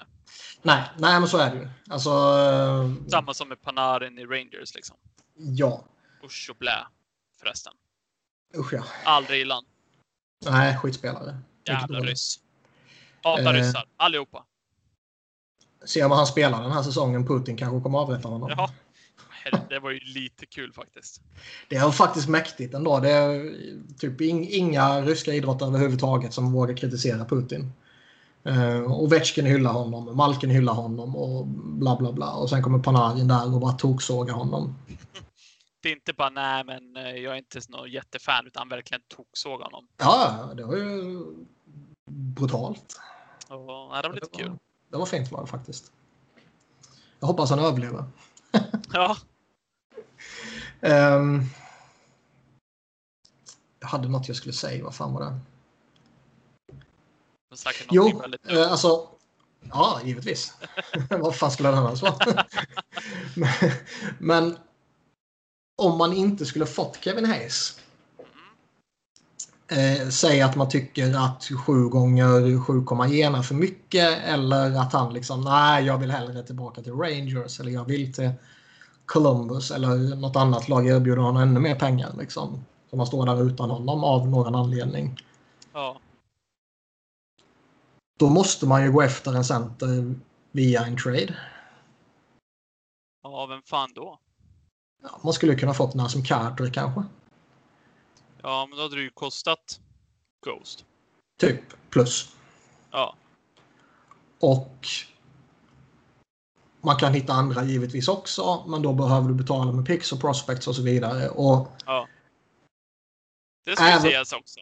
Att jag gillar att han har, om man, nu säger jag förbättrat även fast vi inte vet hur bra han kommer vara, men han har, för, jag får liksom, ändå anta det tycker jag. ja, han, han har förbättrat laget utan att liksom skeppa iväg folk för att få in dem. Ja, han har behållit alla våra prospects av intresse och han har behållit alla liksom, första val så att säga. Ja. Ehm, Så han har adderat till rosten men inte liksom tagit bort, bort liksom annat än skräp egentligen. nej, exakt. Och, och jag tycker liksom, visst en second round och en third rounder för Brown. Det, det är i dyraste laget liksom. Men man Ja. kan undvara det för man har draftat så jävla bra i typ fem år. Ehm, och man gjorde en bra draft nu också. Men, men den, eh, den låter vi vara för vi har så mycket annat. Bobby Brink. Bobby Mhm. Brink. Så, nu har jag fått in det. Nu kan vi gå vidare. Ja. Eh, jo, så jag skulle säga det, liksom, det. Det kan ju faktiskt vara värt att betala lite, lite, lite mer för Kevin Hayes då. Ja. Istället för att behöva gå ut på trademarknaden och offra typ Ghost liksom. Och kanske Ja. någon, någon pick eller någon prospect eller något sånt där också. Man får ju se det på det sättet att vad gör du hellre? Betala 500 000 extra för Hayes eller trada åt det en andra center för Ghost? Ja, Det är ju och då vet jag vad jag Ja. väljer. Ja, det är ju solklart Hayes. Ja. Alla dagar i veckan. Mm. Så länge det är Kevin och inte Jimmy. Eh, både och. Samma kedja. ja, i och för sig. Eh, ja, det, det var väl Kevin Hayes det. Kommer vi in till det riktigt saftiga här med Tyler Pitlick. Mm. Det var ju... Lick. Alltså det är ett Alltså, är ju det sjukaste.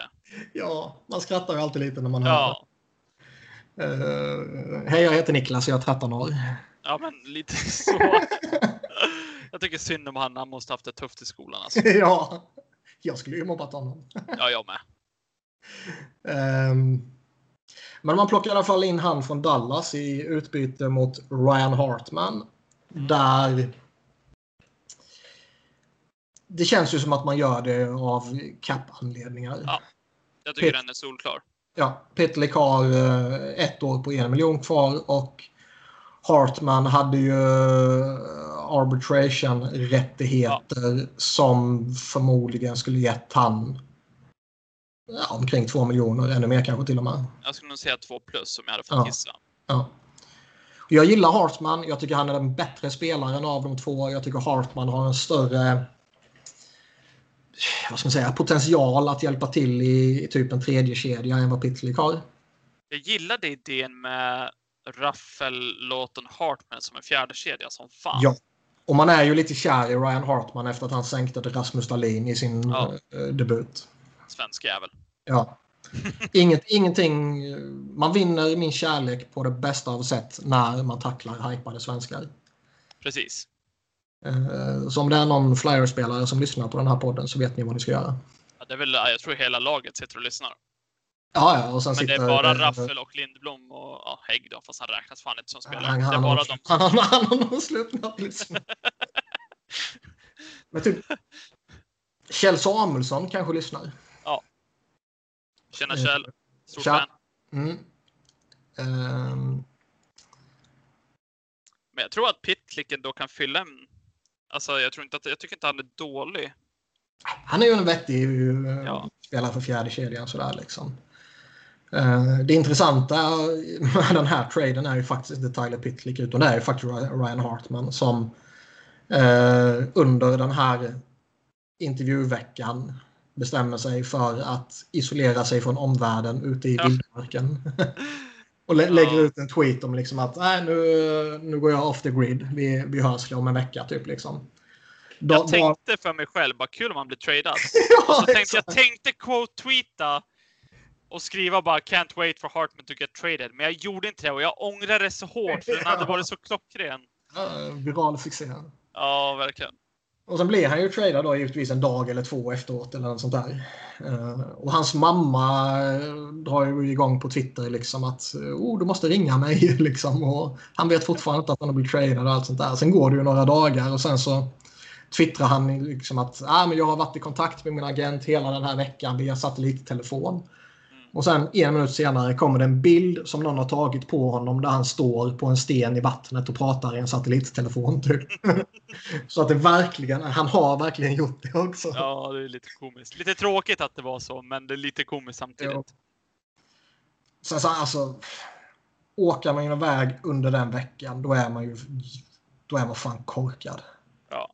Oavsett, Nej, om du har, oavsett om du har tillgång till en satellittelefon eller inte. Jag vet inte om de är 100% tillförlitliga eller whatever. Men alltså det är ju den viktigaste veckan på hela året om du har en utgående kontrakt oavsett om det är UFA eller RFA. Ja, jättekonstigt. Sen visst, han kan ju lämnat solklara, självklara direktiv till sin agent och agenten hade all rätt att göra vad han ville i princip. Ja. Men ändå, det är jävligt lustigt. Och det visade sig att Dallas de gav ju inte han ett qualifying offer heller. Så han blev UFA och signade sen i Minnesota. Sen fick han väl två år och 1,9 miljoner eller någonting tror jag. Ja. Så han fick väl ändå typ vad han skulle kunnat fått. I, i, uh... Det är bara att de vill spara in pengar helt enkelt. Alltså det... Ja, och Fletcher ja. sa väl också något, något sånt här att uh... Cap, kappen blev en halv miljon lägre än vad de hade räknat med. Mm. Så han sa väl någonting om att, ja, men att, att det sjunkte, eller sjönk påverkade. Det hade faktiskt, jag tycker det är synd för det hade varit kul att se den fjärde kedjan för jag tycker att mm. bara så rent teoretiskt så borde den vara liksom en av de bättre i ligan. Nej, men de kan spela hockey, de kan tacklas, de är ansvarsfulla, ansvarsfulla defensivt och, och liksom... Det kan vara jävligt jobbiga att möta de tre tillsammans. Jobbiga att möta och, och alla tre kan egentligen pitcha in med lite mål här och där också. Ja, så det återstår ju att se om Pitlick blir eh, fjärde center eller om man kommer spela på wing. Det är lite beroende där på. Det är ju om Larsson tar eh, eh, en vingplats i, i tredje kedjan. Eller om Vilket det inte är helt omöjligt. Det är inte alls omöjligt. Men... Jag hoppas inte på den. Det hade varit kul med Frost eller... Nu tror jag att det blir Frost om det blir någon utav dem. Det är väl han men, eller Faraby. Ja. Men det känns som att Frost skulle vara mer redo. Kan jag tycka. Mm, jag håller med. Jag håller med. Eh, det hade varit jävligt kul. Mm. Och det känns lite som, nu, nu blir det väl lite eh, kanske eh, vad ska man säga, inte av en slump men i den bästa av världar ville man nog egentligen ha plockat in ytterligare en winger kan jag tänka mig. Ja. Men eh, jag tror heller inte att de har något emot egentligen att hålla en plats öppen för ja, det är ju Frost eller Faraby får man ju anta. Ja. Om, om, man, om man pratar prospects. Sen finns det jo, lite andra precis. spelare som, som vi kommer till så småningom som kanske kan vara aktuella. Ty, ja, precis. Det är väl typ de två Ruptsov. Ja, jag tror Ratcliffe tror jag är lite för långt bort fortfarande. Ja. Och eh, Niklas Obkubel kanske kan blanda sig i en, eh, en plats bland de 12, men jag tror inte i tredje kedjan. Nej, det blir nog om Låton går upp ja, i tredje kedjan. Ja. Exakt. Och man kan väl se typ en Andrew Andreoff eller Curtis Gabriel eller något sånt här som, som kanske vinner en plats under kampen också. Men det är inte jag gillar inte att de signade Gabriel. Andreoff, de, de andra det är liksom whatever. Men han, nej. Han vill inte. Nej, det var ju den jävla fanskapen som tacklade ja, Patrick. Rent skräp. Mm. Skicka ner till Lehigh Valley. ECHL. Ja, det också. Släpp ut den. Eh, vad det jag skulle säga? Nej, men alltså de, de, de kan ju vinna en plats under kampen, men de kommer inte vinna platsen i tredje kedjan. Nej. Eh, vissa spelare slåss om... Alltså det kan vara mass, eh, vi ser tio spelare som slåss om en plats i NHL, men de slåss inte om samma plats än, fast det bara är en plats öppen. Nej, exakt. Pitlick ser jag ju inte som något annat än en spelare för fjärde kedjan i alla fall. Jag tycker han duger där. Och den där miljonen, en och en halv miljon som man sparar på att ha han istället för Hartman, det kan ju i slutändan vara väldigt betydelsefull när Connecting och Provorov ska signas. Mm. Eh, tror du om Connecting? Tror du att det blir eh, Bridge eller tror du att de gör lite längre om man säger en Ghost deal som blev, vad blev den? Fyra år? Fem år? Fyra? Jag fan inte ihåg. Nej, den blev ju sex år. Är det sex år till och med? Jävlar. Det var fan några år sedan som han debuterade nu med... Ja. Det var 15-16. Eller debuterade gjorde han inte. Han har som... fyra år kvar. Jag trodde det var tre på han också. Vad tror du? Va, uh, jag har glömt frågan. Connectney. Connectney vad han signar. Jag lyssnade på Broad Street Hockey-podden tidigare idag. Mm. Där Charlie nämnde att om det skulle varit en bridge deal så trodde han att det redan skulle varit gjort. Okej. Okay. Den är att, intressant. Att det nu drar ut lite är att de snarare diskuterar long term. Det är jävligt mm. intressant för jag trodde de skulle bridgea honom och sen... Ja, det tror jag också.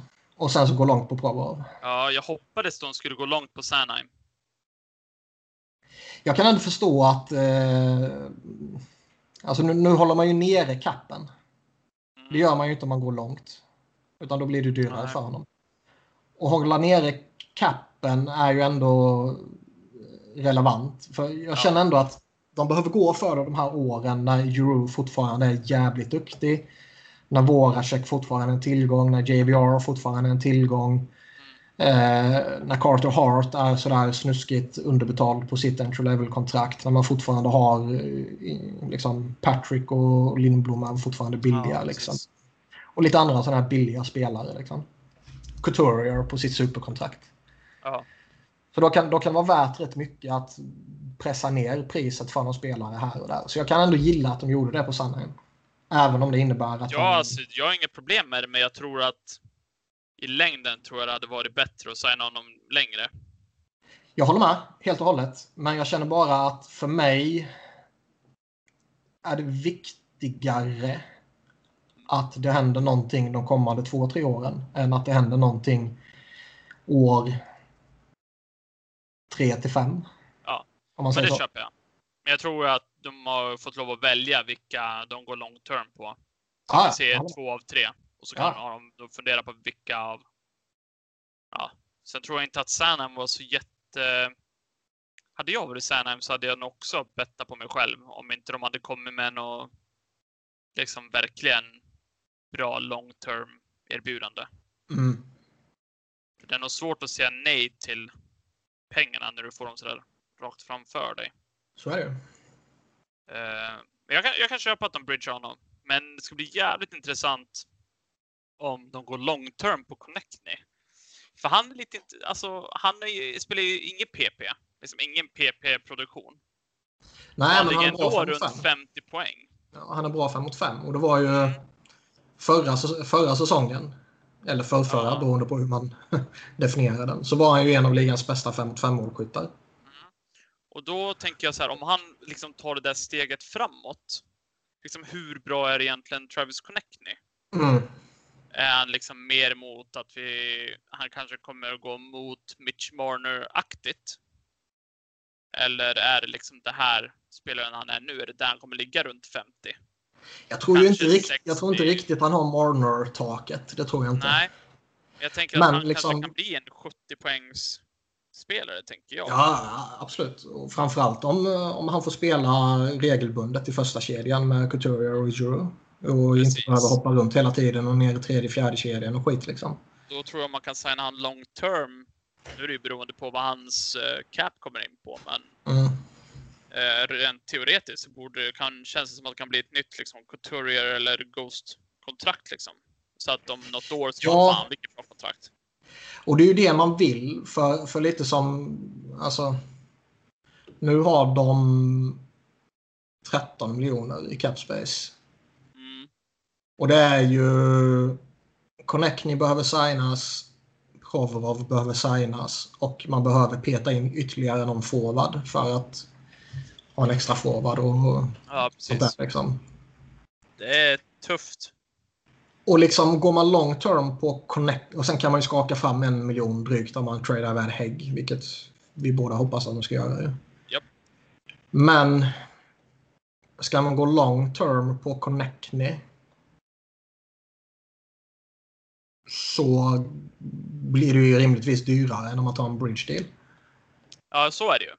Och det gör ju också att man tilltalas lite av att ta en bridge deal, alltså eh, ett tvåårskontrakt på... Men går man, eh, om man går eh, long term så bevisar ju det, om det nu stämmer det Charlie sa, Mm, då bevisar ju det också att fan Hägg måste ju ryka. eller Coast. Ja, herregud. För då kanske det inte räcker med en miljon. Nej, men då tradar du i sådana fall Raffel.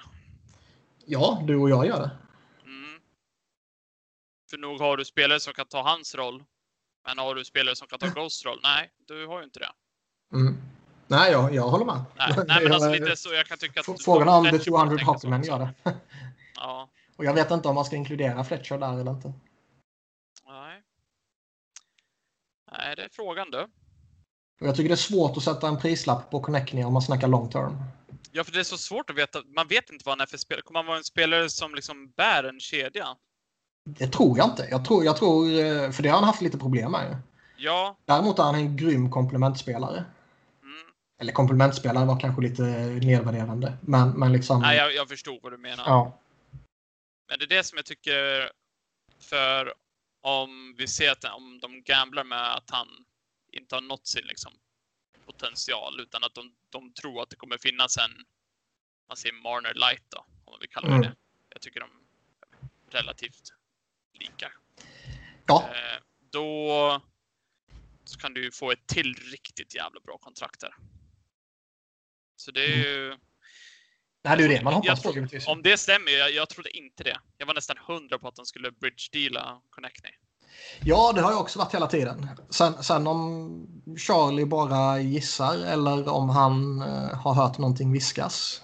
Ja, jag, har inte- jag har inte Eh. lyssnat på det nya avsnittet. Eh, det, vet, det vet man ju liksom inte. Nej, För, förhoppningsvis vet han. jag ska skriva till honom att han eh, måste säga till mig. ja. Ehm, Jag ska säga att du hotar mig med stryk om han inte... ja, ja.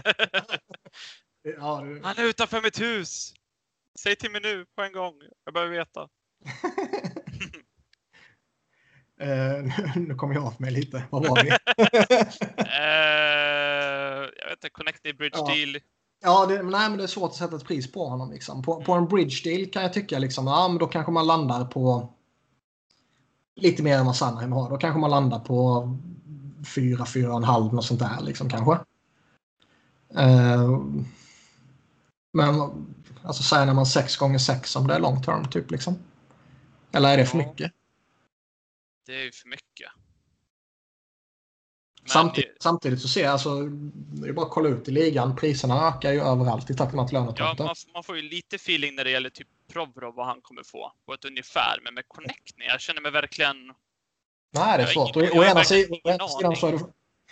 Nej, exakt. Å ena sidan så är det folk som, som snackar om att eh, Jakob Vrana signade häromdagen liksom på, på en bridge deal på två, två år på 3,35 miljoner och att det skulle vara någon form av comparable.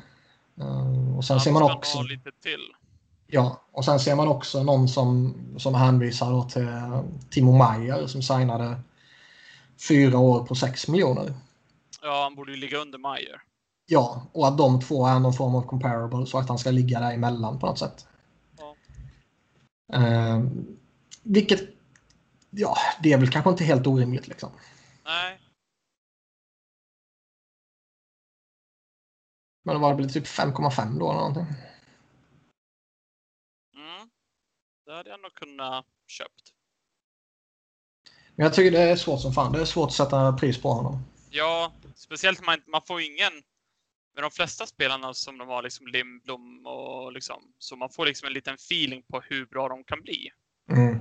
Men Connectney känns det som att antingen så kommer han att bara, alltså det kommer bara smälla till så är han hur bra som helst. Det kommer explodera eller så kommer han Ja, ja men precis. Ehm, Då kanske det är bättre att köra bridge då och sen riskera att ja, du kanske får lov att betala en jävla massa om två år. mm. Men Samtidigt då dumpar man iväg våra check till Seattle bara. Ja. Nej, det ska bli intressant att se. Men jag Ja. har en känsla att han kommer att signa rätt snart. Ja, det känns inte alls omöjligt. Mina inside sources, så att säga. Jag som gissar på Twitter. Ja, exakt. Ehm, vad har vi mer? Vi har ju sett Scott Lafton signa på tvåårskontrakt på 2,3 miljoner. Jag hade ju hoppats på lite att han hamnar precis under två där. Men det är ju, jag tänker ju inte sitta och klaga på 300 000. Man, man känner väl lite så här att det är några hundratusen för mycket. Ehm, man har några som kontrakt som är några hundratusen för mycket. Var för sig är de inget problem. Nej. Men tillsammans så kan det lätt bli någon eller några miljoner. Och hastigt och lustigt så kan det bli ett problem. Precis. Eh, Det är ju inte ett lika stort problem idag som det var när, när Homer svingade som, som vildast. Men eh, Då var det ju en mille för mycket där och en mille för men mycket så. där. Och ett no trade där. ja, lite så. Så det, det är bättre nu, men det är fortfarande liksom att... Ja. Sen får man väl räkna med också att liksom, duktiga spelare kostar ju mer och mer för varje år som går i takt med Ja. att lönetaket ökar. Och, Ja, andra lite spelare får kontrakt de- också i ligan. Liksom. Ja, det känns ju som att de spelarna som Fletcher har signat nu, eh, att ja, de hamnar lite för dyrt, helt Mm. enkelt. Mm. Och det är ju den känslan man får. Och det gör ju inte så att man blir mindre orolig över ett Provorov-kontrakt. Nej. Man undrar ju om Provorov och hans agent också resonerar likadant. Liksom att de, de kan inte gå in i säsongen utan oss. Vi kör en jävla chicken race här nu. Det skulle jag kunna se. Det är en Mm. smart strategi skulle jag vilja säga. I synnerhet att vänta ut de två andra, Wawrinski och McAvoy, Ja. som vi pratade om tidigare. Eh, jag vet inte om det är så mycket mer att säga om Scott Lafton. Jag gillar honom. Jag, eh, jag, Han, tror, kan jag spela, tror kan att jag vet att du gillar lag. honom också. Ja. Ja, han kan spela mitt lag varje I dag i veckan. I den bästa av världar så är han fjärde center. Eh, Ja. Skulle kunna funka som right winger i, fjärde, eller i tredje kedjan också.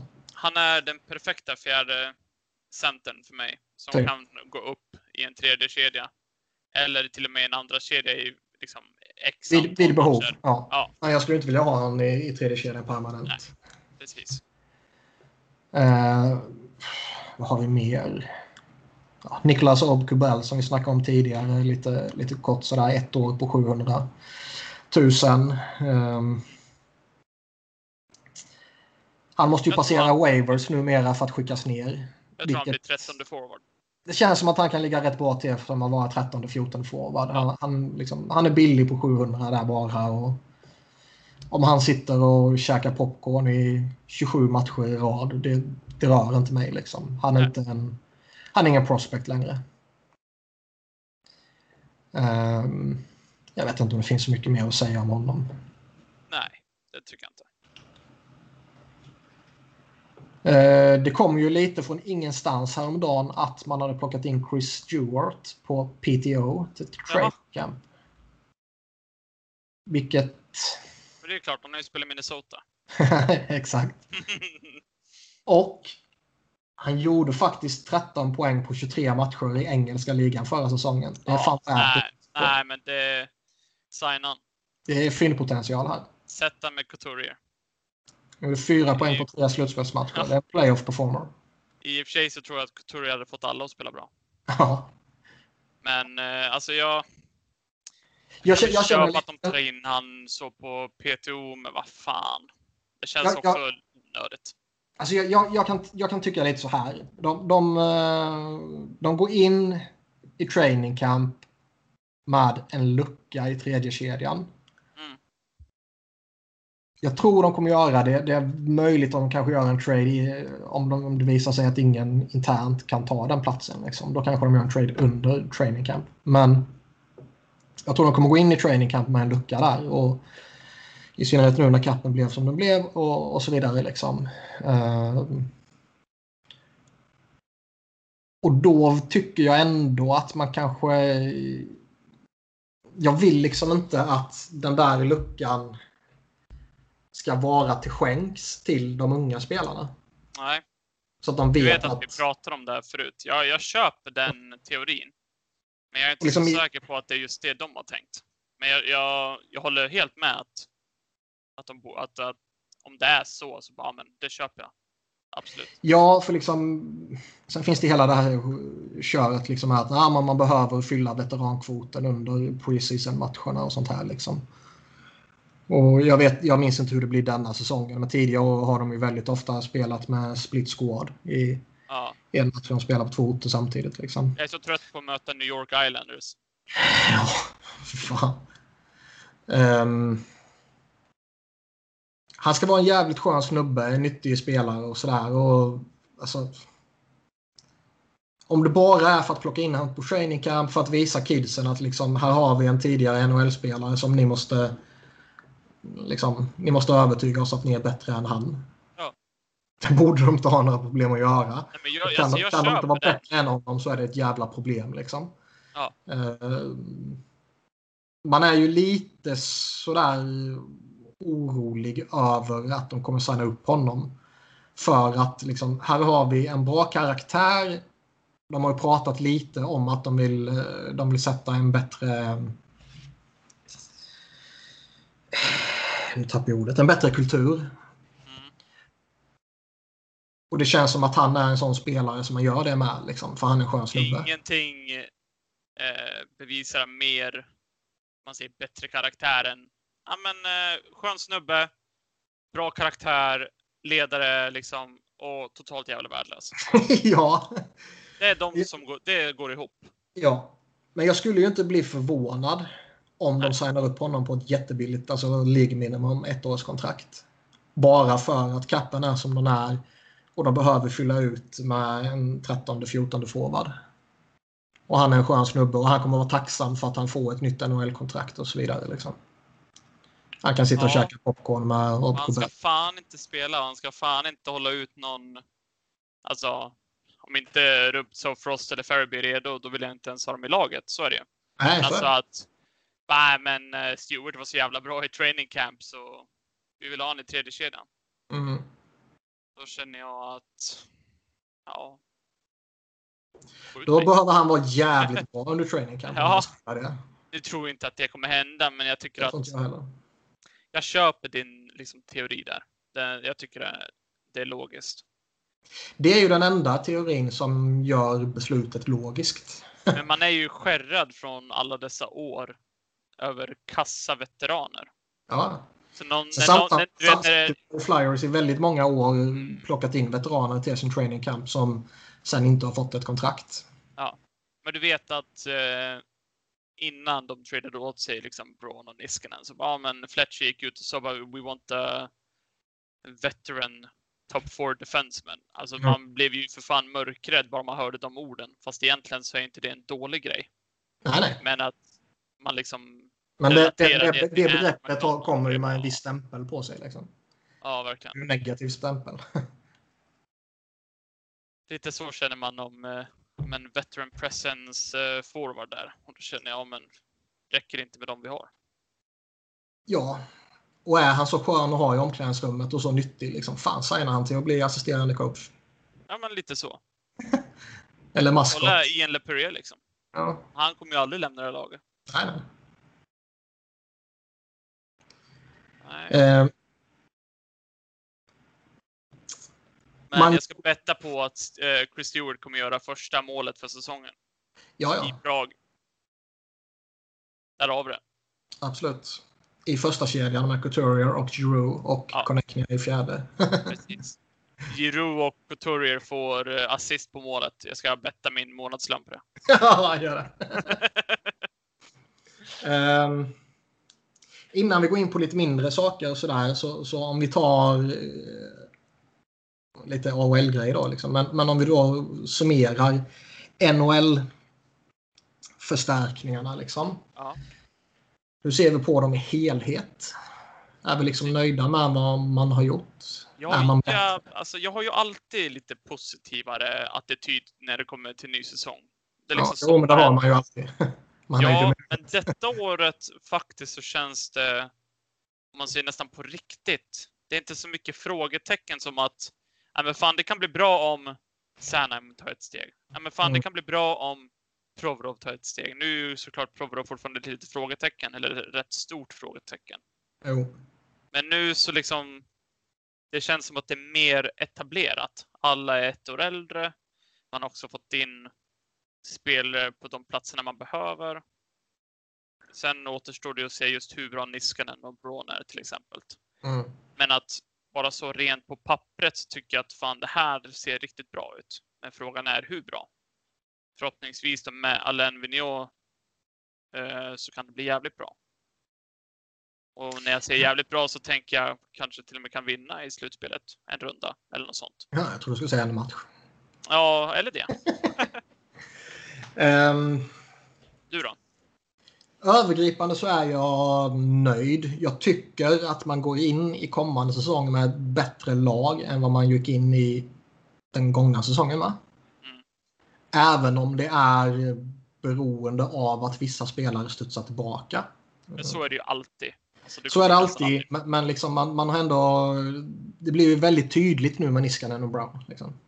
Sen är inte Jag de två de enda. Det är ju Provorov också. Han måste studsa tillbaka. Ja, men tänker jag, alltså om man ser på spelarna som var här förra året så är det inte mycket. Jag tycker inte det är så jättemycket frågetecken där. Alltså det är mer att Ja, men tar inte Lite Patrick ett, typ. ja, Liksom. men tar inte Patrick ett steg framåt, ja, men då är han ju i rätt roll. Mm. Det är inte det att vi går in och förväntar oss att han ska bli en andra center och så är han inte det så liksom då har vi ingen backup-plan. Nu så Mm. har vi inte den förväntningen. Och jag tycker att det känns som att alla yngre spelare ligger i rätt vad deras roll ska vara. Mm. Eh, och förhoppningsvis då under säsongen så kanske de till och med bevisar att de tar det där steget. Mm. Så jag tycker att Fletcher har gjort det smart med tanken bakom vilka han har tagit in. Sen så återstår det att se om det har varit rätt spelare. Mm. Det, jag, jag är missnöjd med... Alltså jag kan förstå och, och liksom det här att man eh, man vill göra sina saker innan Free Agency drar igång, innan marknaden sätter sig så att man, man liksom chansar och tror att man kanske ska tjäna något på det liksom, istället för att se vad marknaden tar vägen. Ja, det tycker jag. Det håller jag med om. Och, och, och liksom nu med facit i hand så gick man ju ut och gick efter. Oj, nu kommer en Coca-Cola-rap. Editera bort, editera bort. Nej, sånt skit håller vi inte på med. jag, är bara, jag är bara lite missnöjd med att jag lyckades hålla den eh, tyst. Mhm. Eh, men med facit i hand så här så är man ju lite missnöjd med att de gick efter Matt Niskanen och Justin Brown till exempel då. Innan man såg vad marknaden la sig på. Vilket den gjorde Ja. med typ PK Subban. Liksom. Ja, men det känns ju som att Eh. de två var hans första val. Ja. ja för, Det för, att, för att gå tillbaka till Subban som vi var inne på lite i början och som vi egentligen inte eh, gick vidare på. Liksom. Jag, jag tar ju hellre in PK Subban på 9 miljoner än Matt Niskanen på eh, strax under 6 miljoner plus retaina 1 miljon för Gudas. Liksom. Eh, jag tror däremot inte att PK Subban var i deras planer. Mest för att jag tror inte att man har en bild av honom som den här stabiliserande veteranen jämte en yngre spelare. Nej, precis. Personligen har jag inga problem med det överhuvudtaget. Så in han jämte Samheim eller jämte Provorov skulle inte jag oroa mig över. Liksom. Jag, jag tror det skulle funka bra. Jag gillar P.K. Subban. Jag tycker han är en fantastisk karaktär. Eh, jag förstår inte folk som, som tycker att han är eh, liksom cancer in the locker room och sånt här jävla skitsnack. Det köper inte jag överhuvudtaget. Eh, jag tycker det är en fantastisk karaktär. Det är en karaktär som är så jävla hårt marketable. marketable. Ett svårt ord. Eh, för jag är förvånad att man inte gick ut och gjorde en splash. Nej, precis. För det känns lite som att man, man, liksom, man har sett intresset dala lite, publiksiffrorna sjunker lite. Eh, Kevin Hayes är en väldigt solid värvning. Han kommer göra laget bättre. Men han är ju ingen som själv säljer biljetter. Liksom. Eh, Det som är lite komiskt här som du sa att man förväntar sig en splash. Eh, och så tänker man på hur Fletcher är. Han är liksom en mix av Hextall och Holmgren. mm, Och han har gjort exakt vad en mix av de två skulle ha gjort. Han gjorde ingen splash som Hextall. Men han gjorde exakt vad Homer skulle göra med Hayes. Så det är Mm. liksom båda världarna där. Vilket bevisar att han är liksom någonting mittemellan där. Vilket Så är lite komiskt.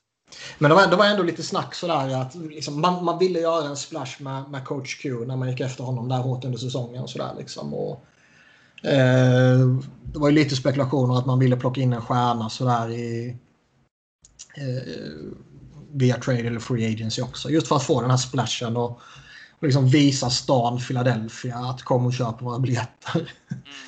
Ehm, jag, jag är lite förvånad att man inte gjorde det faktiskt. Ehm, Ja, jag håller med. PG Subban skulle ju varit en sån här splash.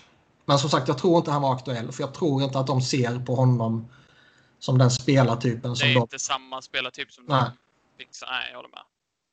Eh, Jacob Truba, han, liksom, han ville ju till New York. Det var ju bara Rangers som var aktuellt för honom. Ja. Sen kunde man givetvis matcha priset som, som de Vilket jävla skitpris de fick tillbaka. Eller Ja, skit ja. return. Och PG Subban var ju liksom äckligt billig också. Sådär. Men... Eh, jag, ser, jag ser inte att Subban var, var aktuell. Liksom. Och jag tror att Therian kan ha varit en faktor, men jag tror, inte, jag tror att det är liksom en liten del av det hela. Mm. Eh, men det är kanske snarare, jag, jag, tror, jag tror liksom inte det är en faktor i att liksom Fletcher liksom, oj nu har vi anställt Michel Therian här. Oj nu kommer PK Subban på marknaden. Nej, vi kan inte gå efter honom. Jag tror snarare kanske det skulle varit en faktor i, att PK Subban kanske inte ville komma hit. Nej, precis. Um, nu kommer jag inte ihåg hur vi kom in på PK Subban. Uh,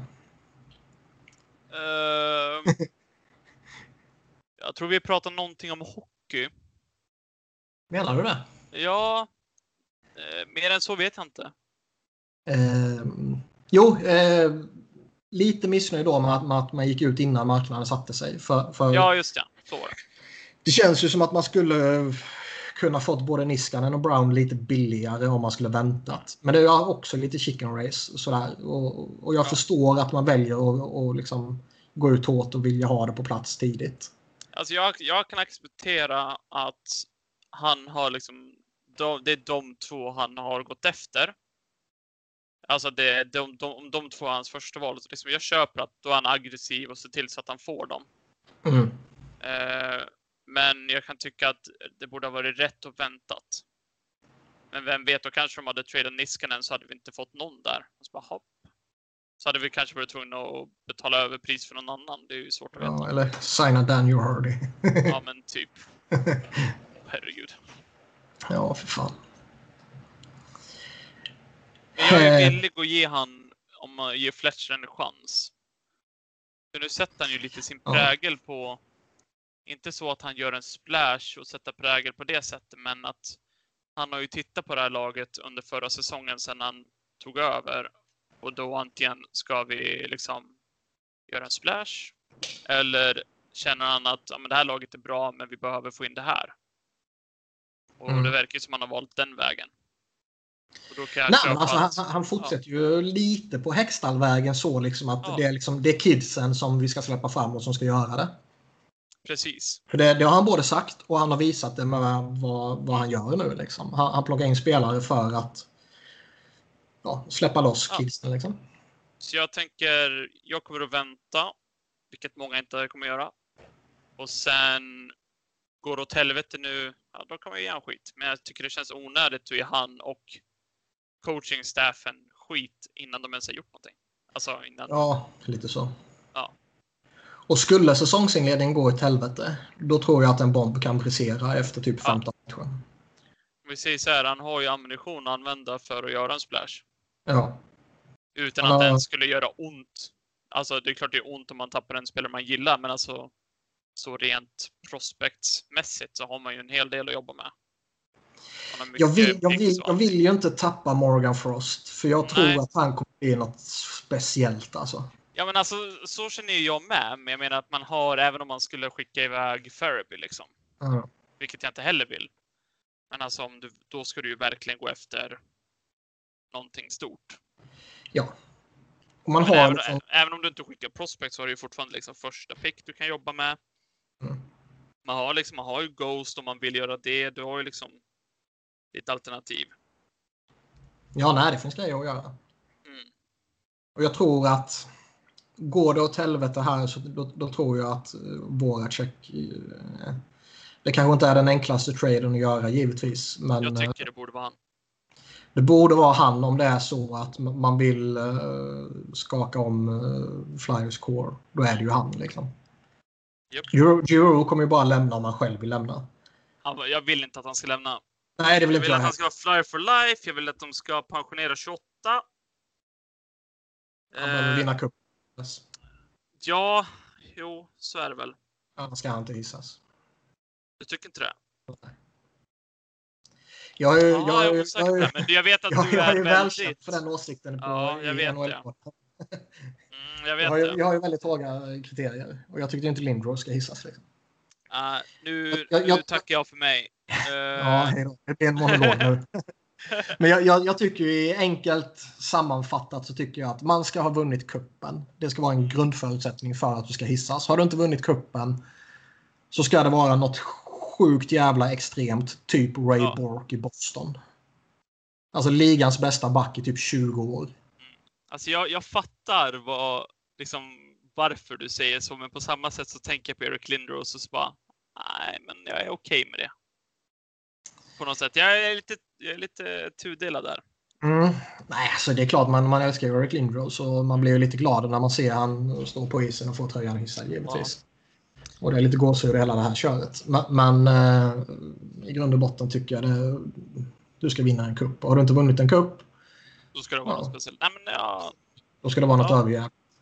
Jag tycker inte Dominik Hasek ska hissas i Buffalo. ja. Nej, jag, jag, vet- jag vet fan inte. Jag är tudelad när det kommer till det där.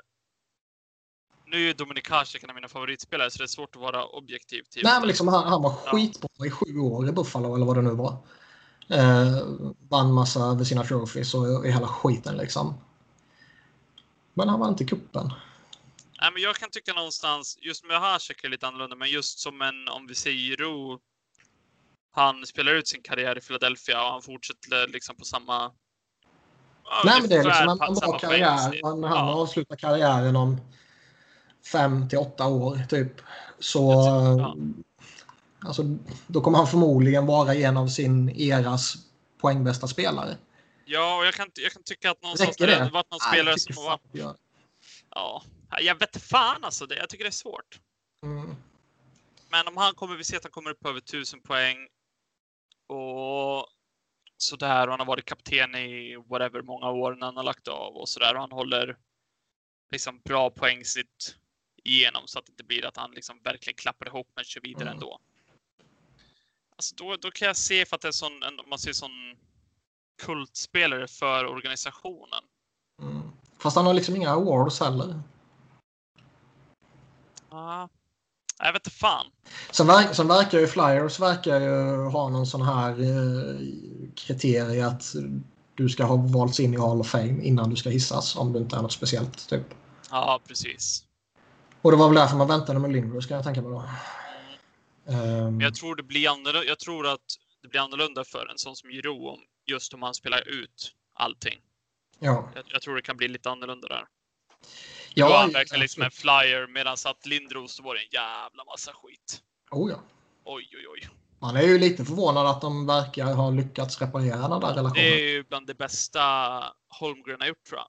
Ja. Att få reparera det där. Ja. Kan jag tycka. För det är ju få spelare som man tänker på före en Lindros när man tänker på Philadelphia Flyers. Kan jag tycka. För mig Alltså, är det ju kanske- han alltså, och kan- John Leclerc som gjorde att jag blev Flyers-supporter. Ja, och det är ju Lindros för mig. Men jag Ja. menar just så bara rent objektivt om man tänker Philadelphia Flyers, då tänker man ju liksom Antingen så går du direkt till liksom Ja, men när du är gammal så 70-talet, tänker du på Bobby ja. Clark och Bernie Ja. Men vår generation tänker ju på Eric Lindros. mm. Och det kommer vara nästa kommer tänka Claude Giroux. Ja. Och sen Carter Hart om han blir... Ja. Ja men, ja men lite så. Då kan, jag, då kan jag köpa att, att hans nummer hissas liksom. Men, men lite, det är lite beroende på, men jag vet ju att du är lite lite anti. Alltså han, kom, han kommer ju vinna en cup. Så, så det kommer ju vara en icke-fråga. Ja, slår- men precis. Precis. Va? Men han kommer inte vinna med Flyers, han kommer vinna han Nej, han exakt. Han kommer göra en Timonen ju. Ja. Fy fan. Ehm, de gjorde ju lite AHL-grejer också under Free Agency. Mm. Vi var inne på Curtis Gabriel. Nu spottar jag på honom bara för. Ja. Ehm, Nate Prosser. En sån här stabil veteran för AHL som har varit i Minnesota. Chockerande nog. Uh, Andrew Andreoff också en här. Liksom, han har fått massvis med chanser i NHL. Han har inte lyckats, men han är förmodligen en väldigt bra AHL-spelare. ja, men det är ju en sån där, alltså det är ju en, vad ska man säga, en Taylor Lear signing typ. Ja, typ. Är det någon Eh. som går sönder i fjärde kedjan, ja men upp med Andreoff. Liksom. Ja. Och sen ytterligare ett gäng veteraner signade till, till AHL. Så de verkar ju vara väldigt måna om att spetsa till Phantoms också. Vilket är, Ja. är viktigt med tanke på att det kommer in ännu flera prospects där nu. Precis. Och vad jag tyckte var mest intressant var ju däremot Jean-François Berube. Eh, ja, precis. För helt plötsligt är det rätt tjockt av målvakter. Carter Hart och Brian Elliott är uppe i NHL och kommer ju stanna där givetvis. Man hade redan Felix Sandström som har kommit över nu och förväntas spela i, i Phantoms och Alex Lyon som ändå är en gedigen AHL-målvakt. Eh, plus att Kirill Ust Ustimenko kom över till denna säsongen. Och nu förväntar sig väl... Eh, eh, fortsätt du så kan jag säga sen. Ja, nej, nu förväntar man väl sig att Ustimenko kommer börja i ECHL. Och det är väl kanske rätt då. Liksom. Men man har redan Sandström och, och Lion i AHL och så säger man Jean-François Berube. Eh, det blir bara mer och mer franskt. Jag gillar det. Nej, nej, man, jag är grym på franska. um, vi, och liksom, jag, ja, inte för att han är någon fantastisk målvakt, men, men uh, han är ändå en veteran som har varit med några år nu utan att vara lastgammal. Han är bara 28 bast. Liksom. Uh, han är van vid att åka upp och ner och, och, inte spela så mycket och hela det här köret. Liksom. Ja. Men alltså. Kommer man hålla sig med tre målvakter i AHL liksom, och, och köra han med Lion och Sandström där? Eller kommer man försöka dumpa Lion? Jag tror, det jag skulle säga var, jag tror inte att de är så jävla pepp på Lion längre. Nej, det verkar inte det så. Känns det verkar som att det där försvann. efter att ja, försvann. Precis, så jag tror att eh, eh, att han är eh, att han är liksom ja, om när Elliot väl går sönder så är det han som komma upp liksom. Ja, det tror jag med. Jag, jag, jag tror det var därför man signade honom. Jag är helt hundra på det, för jag tror inte de eh, tror att Lion kan klara av det alls. Nej, och, och liksom även om jag fick... Sen kan man säga vad man vill om just det, men det känns som att eh, hela organisationen bara nope. Nej, men jag håller med. Även om jag fick lite positiva vibbar av honom hans första år uppe i NHL när han ändå gjorde ja. nästan ett dussin matcher och, och jag tycker han visade någonting så så visst, han är kanske inte den där självklara trean man bara vill lyfta upp. Men det blir liksom ändå en, någon form av logjam mm. i AHL. För jag, alltså, man kommer inte skicka ner Alex Lyon till ECHL. Det kan jag inte tänka mig. Inte med tanke på vilket kontraktet han fick. Tvåårskontraktet där han går in på andra året nu. Är ju lika mycket betalt både i NHL och AHL. Så han sitter ju på 750 000 nere i AHL också. Och inte för att de pengarna betyder någonting för Flyers organisation som är rik och välmående och sådär. Men vill man bara slänga bort de pengarna som man spenderar i AHL som 750 000 i AHL är ändå rätt mycket pengar. Ja. Så det var lite intressant tycker jag. Och man undrar alltså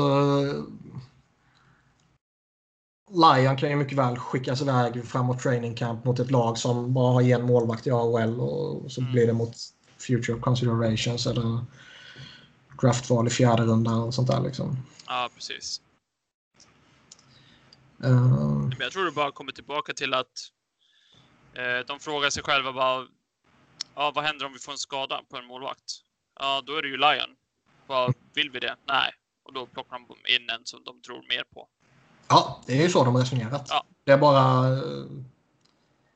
Äh, även om man givetvis visste typ och hade på känn framförallt att de hade surnat lite på Lion så det överraskade ändå lite att de plockade in honom. Ja. Annars vet jag inte om det finns så mycket att säga om, om AHL. Jag tycker det, vi har fått in våran, våra perfekta franska uttal. Vi har ja. Jean François Bourbet och eh, Che Couture. Jure. um, ja, några spelare har ju lämnat också. Vi var inne på Hartman, vi var inne på Talbot. Um, Justin, Neuwirth tar en PTO i, uh, i Toronto, vilket... Han blev skadad när han skrev på kontraktet. ja, stukade handleden. Ja. um,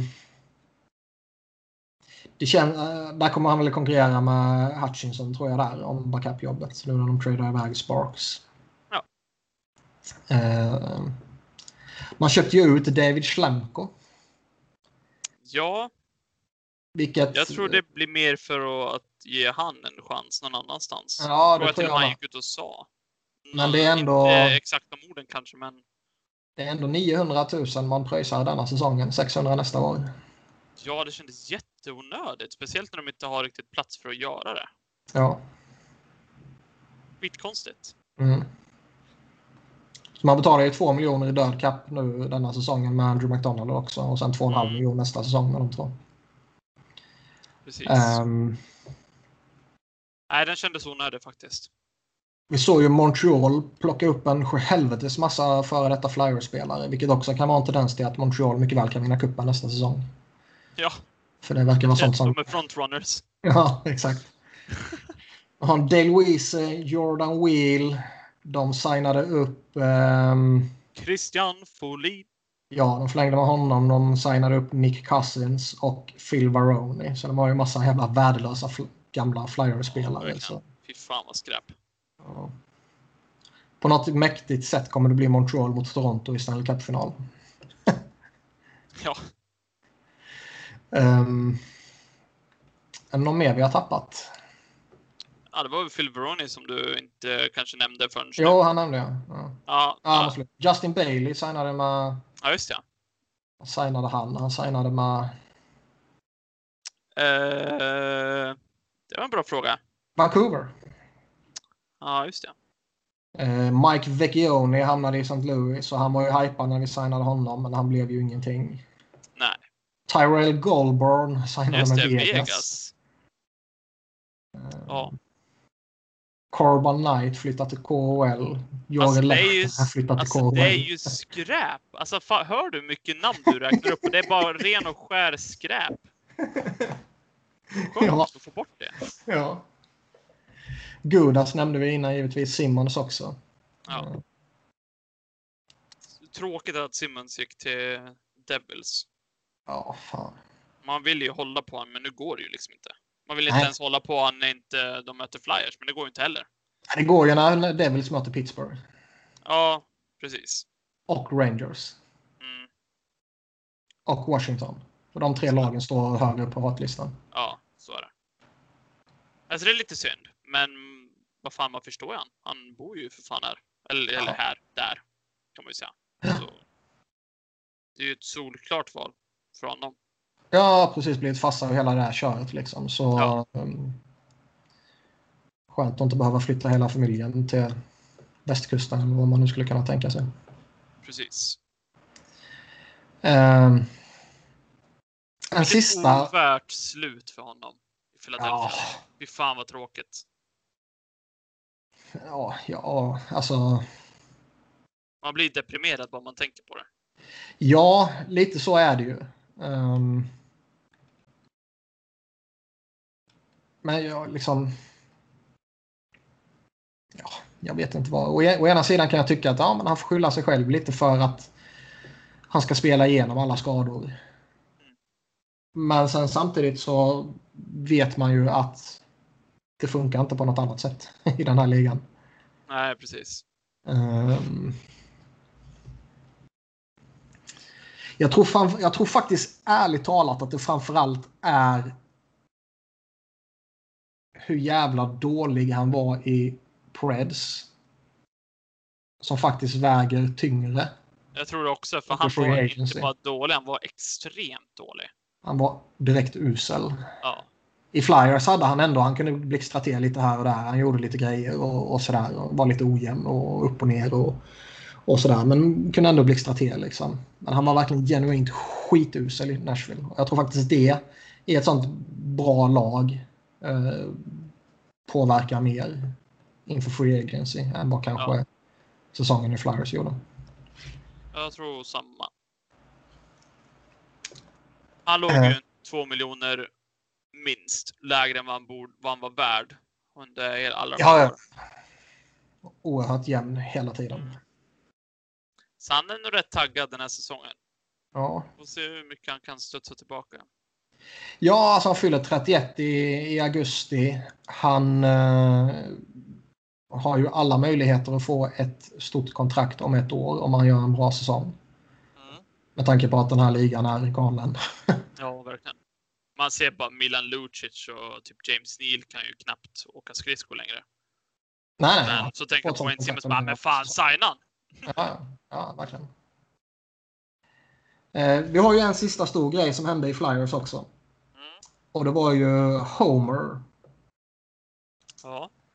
som eh, efter att ha varit precis allting i den här organisationen. Från spelare till assisterande coach till head coach till assisterande general manager och director of player personnel och director of professional scouting och eh, upp till general manager och sen upp till president där man vi har ju pratat om det tidigare men det, alla fick ju känslan av att han fick sparken uppåt när han blev president men så verkar ju inte ha varit fallet.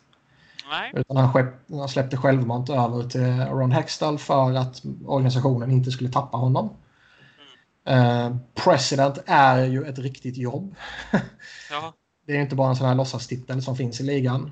Som senior advisor. Senior advisor är, som han är nu då.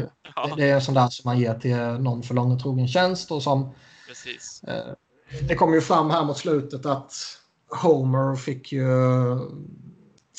sista orden som Ed Snyder gav till honom var ju i princip att du ska se till att Flyers fortsätter vara mitt Flyers med Flyers-familjen och alla ska vara välkomnade och once a flyer och always a flyer och hela det där köret liksom.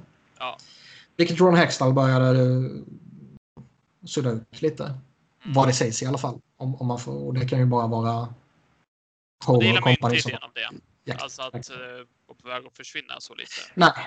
Ehm, och nu, nu ska han liksom, nu har han satt Chuck Fletcher på plats och han är nöjd med det. Dave Scott, CEO, är på plats och han ska vara nöjd med det. Och Homer som är 63 år. Förmodligen äldre än så om man tänker på vilken lång spelarkarriär han har. Och, eh, han låter som han är 80 plus. Typ. Och eh, alla de här åren som han har gjort på, på kontoret är nog eh, relativt stressiga med långa dagar och nätter och så vidare. Så han eh, ser nog fram emot pensionen. Och sen vara senior advisor, glida omkring lite i lite loger, komma på något möte här och där. Skaka lite händer. Skaka lite händer, klippa något band och lite sånt där. Ja. Men det är ändå en... Eh, säga vad man vill om hans avslutning som GM i, i Flyers. Mm. Där det var, som vi har hintat om lite i det här avsnittet, lite kaosartat. Eh, jävligt tuff situation med en ägare som var krävande och som ställde eh, eller kom med direktiv om vad han skulle göra och, och liksom Ja. få en jävla freak accident på Chris Pronger som tvingar Det är fram där det kommer. Alltså han tog det här laget från att vara dö sist 2006 till, Mm, vad fan gick de till nu då? Nu har jag glömt bort det bara för det, men typ konferensfinal konferensfinal första året. året efter. Ja. Allting gick åt helvete när Pronger gick sönder. Ja. Och som Allt sagt, som har följt vad man vill om i flera år har ju präglats av Prongers liksom, skada. Ja. Så säg vad man vill om just den delen, men han är ju liksom orange black rakt in i själen. Han är en Flyers-hjälte, rakt igenom. Ja, Allt han har gjort eh, på isen och vid sidan av isen. Och bortsett från eh, en handfull år i Hartford där han var både head coach och eh, GM och Mm. sparkade Pierre Maguire. ja det är ju... Bara där får han ju pluspoäng. Bara där får han pluspoäng. Ehm, så har han vikt sitt liv åt Flyers och kommer fortsätta Ja. göra det också. Och det liksom, Ja, Jag kommer minnas hy- han som, hylla den som hyllas bör. jag kommer minnas han som en, man kan kalla det mini-Snyder. vilket kanske inte låter så jätte så. Eh, eh, vad ska man säga? Attraktivt att låta som kanske. Det kan ju både vara en komplimang och... Jag säger det som en komplimang. Ja, en väldigt hög komplimang. Mm. För det är få som har liksom oberoende liksom eh, no matter attityd att liksom vi ska alltid slåss liksom om att bli liksom att vinna. Mm. Sen så är det såklart att det inte har fungerat, men att det är lite samma attityd att liksom, det är ingen jävla velande och vänta utan han liksom tradar Carter och Richards för att nu jävlar är det Mm. dags att ändra på någonting. Mm. Sen kan man ju liksom se vad man vill om just det beslutet och så vidare och så vidare och så vidare. Men alltså han, det är ju han som har satt prägel på laget vi fortfarande har idag. Oh ja, Alla dessa år senare. så är det. Ehm, så jag hoppas, inte, alltså det är klart jag hade hoppats i vilket fall som helst, men jag hoppas att Flyers vinner. Om man ser med den kåren de har nu så är ju en stor del tack vare av Holmgren. Så är det verkligen. Vilket kommer då förbättra hans syn hos många fans. Även fast när jag tänker tillbaka på Holmgren nu så är det. Jag tänker bara positivt. Och sen att Pronger förstörde liksom. Hans skada förstörde. Det som han höll på att bygga. Så är det. Och jag... Och det är inte att jag Eh, ursäktar alla hans moves efteråt, men det är så här desperations... Ja, det, typ fem man, får, olika man, backar som ska försöka täcka upp för en back. Alltså, ja, man förstår det till, till stor del. Och sen samtidigt så har han en döende Ed Snyder ovanför sig som vinner en Ja. cup innan han dör. Liksom. precis. Och som pressar på ännu hårdare. Och Ja. Var det förra sommaren, tror jag, som Prongers kontrakt gick ut? Mm, något sånt. Och jag tror att han skulle spelat på en relativt hög nivå ända in i slutet om han inte skulle bli skadad. Ja. Sen fick han hade någon, någon, någon sån där knäskada hade han där framåt slutet också. Men, men eh, den vet man inte hur den skulle påverkat heller. Det kanske inte skulle påverkat överhuvudtaget. Fan vad han var bra alltså. Även i hög ålder. Jag blev så jävla överlycklig när de tradade till sig honom. Så jävla, vilken karaktär. Ett sånt jävla ärkesvin. Som Ja. samtidigt var bäst. Men alltså vilken, alltså att ha den snubben, alltså det är inget, alltså spelar du kast, då fick du höra det. Ja, då dör du ju. Ja, alltså vilken jävla, alltså en sån hade jag velat haft i mitt lag. Ja. Alla dagar i veckan. Och han hade haft kaptens bindel höll jag på att säga, men han hade haft C på bröstet. Mm. Fy fan. Ja. Nej, men Paul Holmgren, det, det är liksom, det är slutet av en Era. jävla, ja, men precis. Och jag hoppas verkligen att de kan vinna med kåren de har nu. För det är han som, även om det är flera år senare, som har satt just prägen på den. Han gjorde sin första match för Flyers säsongen 75-76.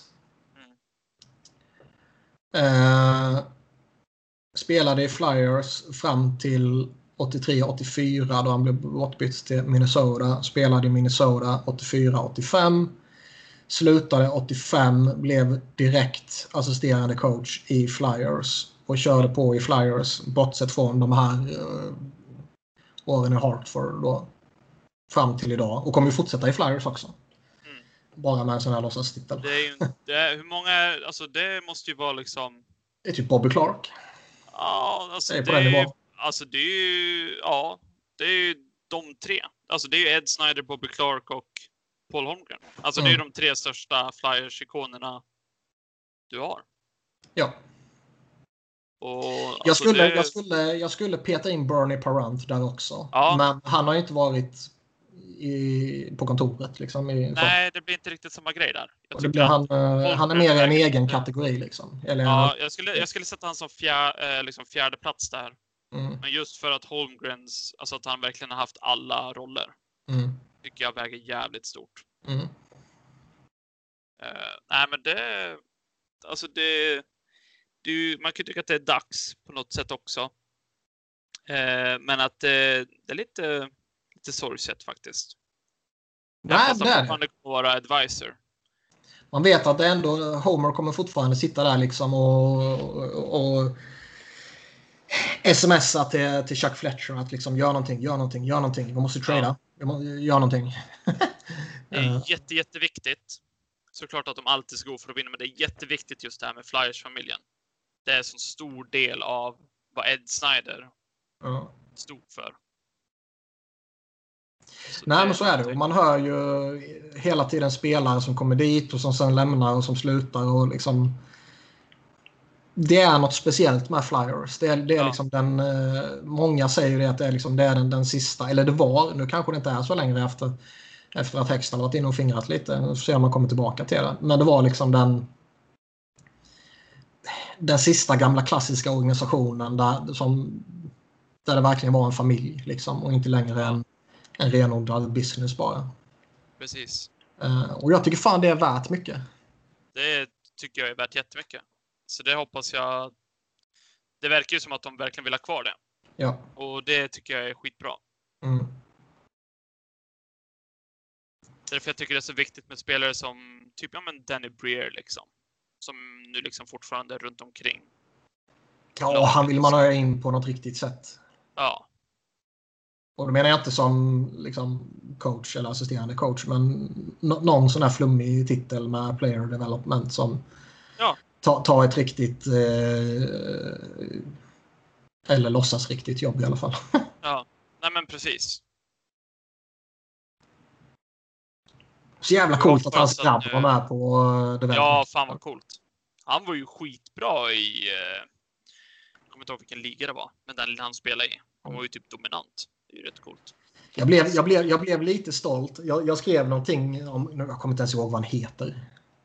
Inte jag. Eh, men, men, typ Robert? Nej, det var, det var något franskklingande. Ah. Han heter Breer i alla fall. I efternamn. Men jag skrev någonting om att nu är Danny Breers son med. Han är min nya favoritspelare. Typ. Det är ju Carson för fan. Carson ja, Breer. Ja, det var det kanske. Så, så jävla... Nej, men vänta nu. Nej, men vänta nu. Så skrev jag det och sen gick det en halv dag. Och sen så gillade Danny Breers yngre son den tweeten. Ah. Och han, het, han heter något franskklingande, så var det. De har ju Cameron och Kalen. Kilo. Ja, något sånt. Uh... Han spelade i NAHL uh, och gjorde 89 poäng på 59 matcher. Imponerande. Typ, jag tror det var typ näst bäst i hela den ligan, tror jag. Mm. Eller något sånt där. Ja, nej, han, han spelade Arizona. Arizona mm. State. Mm, jag såg det. Nej, eh. det var coolt faktiskt. Mm. Har vi något mer vi vill ta eller känner vi oss nöjda? Jag tycker det, det känns som rätt bra att avsluta det med Holmgren. Mm. Det känns som att vi har gått igenom det. legendar. Mm. Vi rundar av på det då och eh, vi återkommer när vi återkommer. Uh, vi snackade lite om att vi ska försöka få in någon, någon rolig gäst i nästa program och snacka lite mer allmänt. Nu, nu nördar vi ner oss i, i allt som har hänt bara. Ja, får vi se om det blir någon svensk eller... Paul Holmgren. Uh, ja, det... Herregud vad coolt det hade varit. Jag vet inte jag hade... Jag hade inte vågat sagt något. Han är så jävla hård. Ja. Eh Fast när han är med på Skype bara så kan han inte slå oss. Nej, men nog fan. Eh, han letar upp oss. Skulle jag vilja. Det känns som att han skulle kunna vara en sån. Alltså, jag, jag har ju. När, när man har jobbet jag har och när man, man är iväg lite och sådär så pratar man med väldigt många stora spelare och stora namn och allt sånt där. Men jag har faktiskt bara varit genuint jättenervös en gång och det var när jag pratade med Wayne Gretzky. Men det är din bästa kompis. ja, Det, där, det där är ju sen gammalt. Ja, du, han kallade mig Ball, så vi är, ju, vi är ju polare nu och hänger på somrarna. Jag ska åka och hälsa på honom nästa vecka. Ja, nej, men jag förstår det. Tack ja. för inbjudan förresten. Jag uppskattar det. ja. Det kanske försvann i posten nu när du flyttade. Ja, ja men precis. Ja, men det, det är ju jävligt coolt. Jag hade också varit nervös om jag hade pratat med Gretzky. Jag tror jag hade varit nervös om jag hade pratat med typ Robert Egg. Ja. Okej, okay, kanske inte. Men eh, ja, du fattar. Mm. Men visst, Homer, han kan vara lite sådär eh, intimidating, eller vad man ska säga. Ja. Han är lite som när Ed Snyder kom ner och i omklädningsrummet och sa bara what the fuck are you doing liksom. Jag tror Ja. att när, när Holmgren gick ner och gjorde samma sak så tror jag då lyssnar man. Ja, det, det kan jag nog intyga också. Ehm, vi rundar av där och tackar för oss och eh, Ja. ja, vi återkommer när vi återkommer. Precis.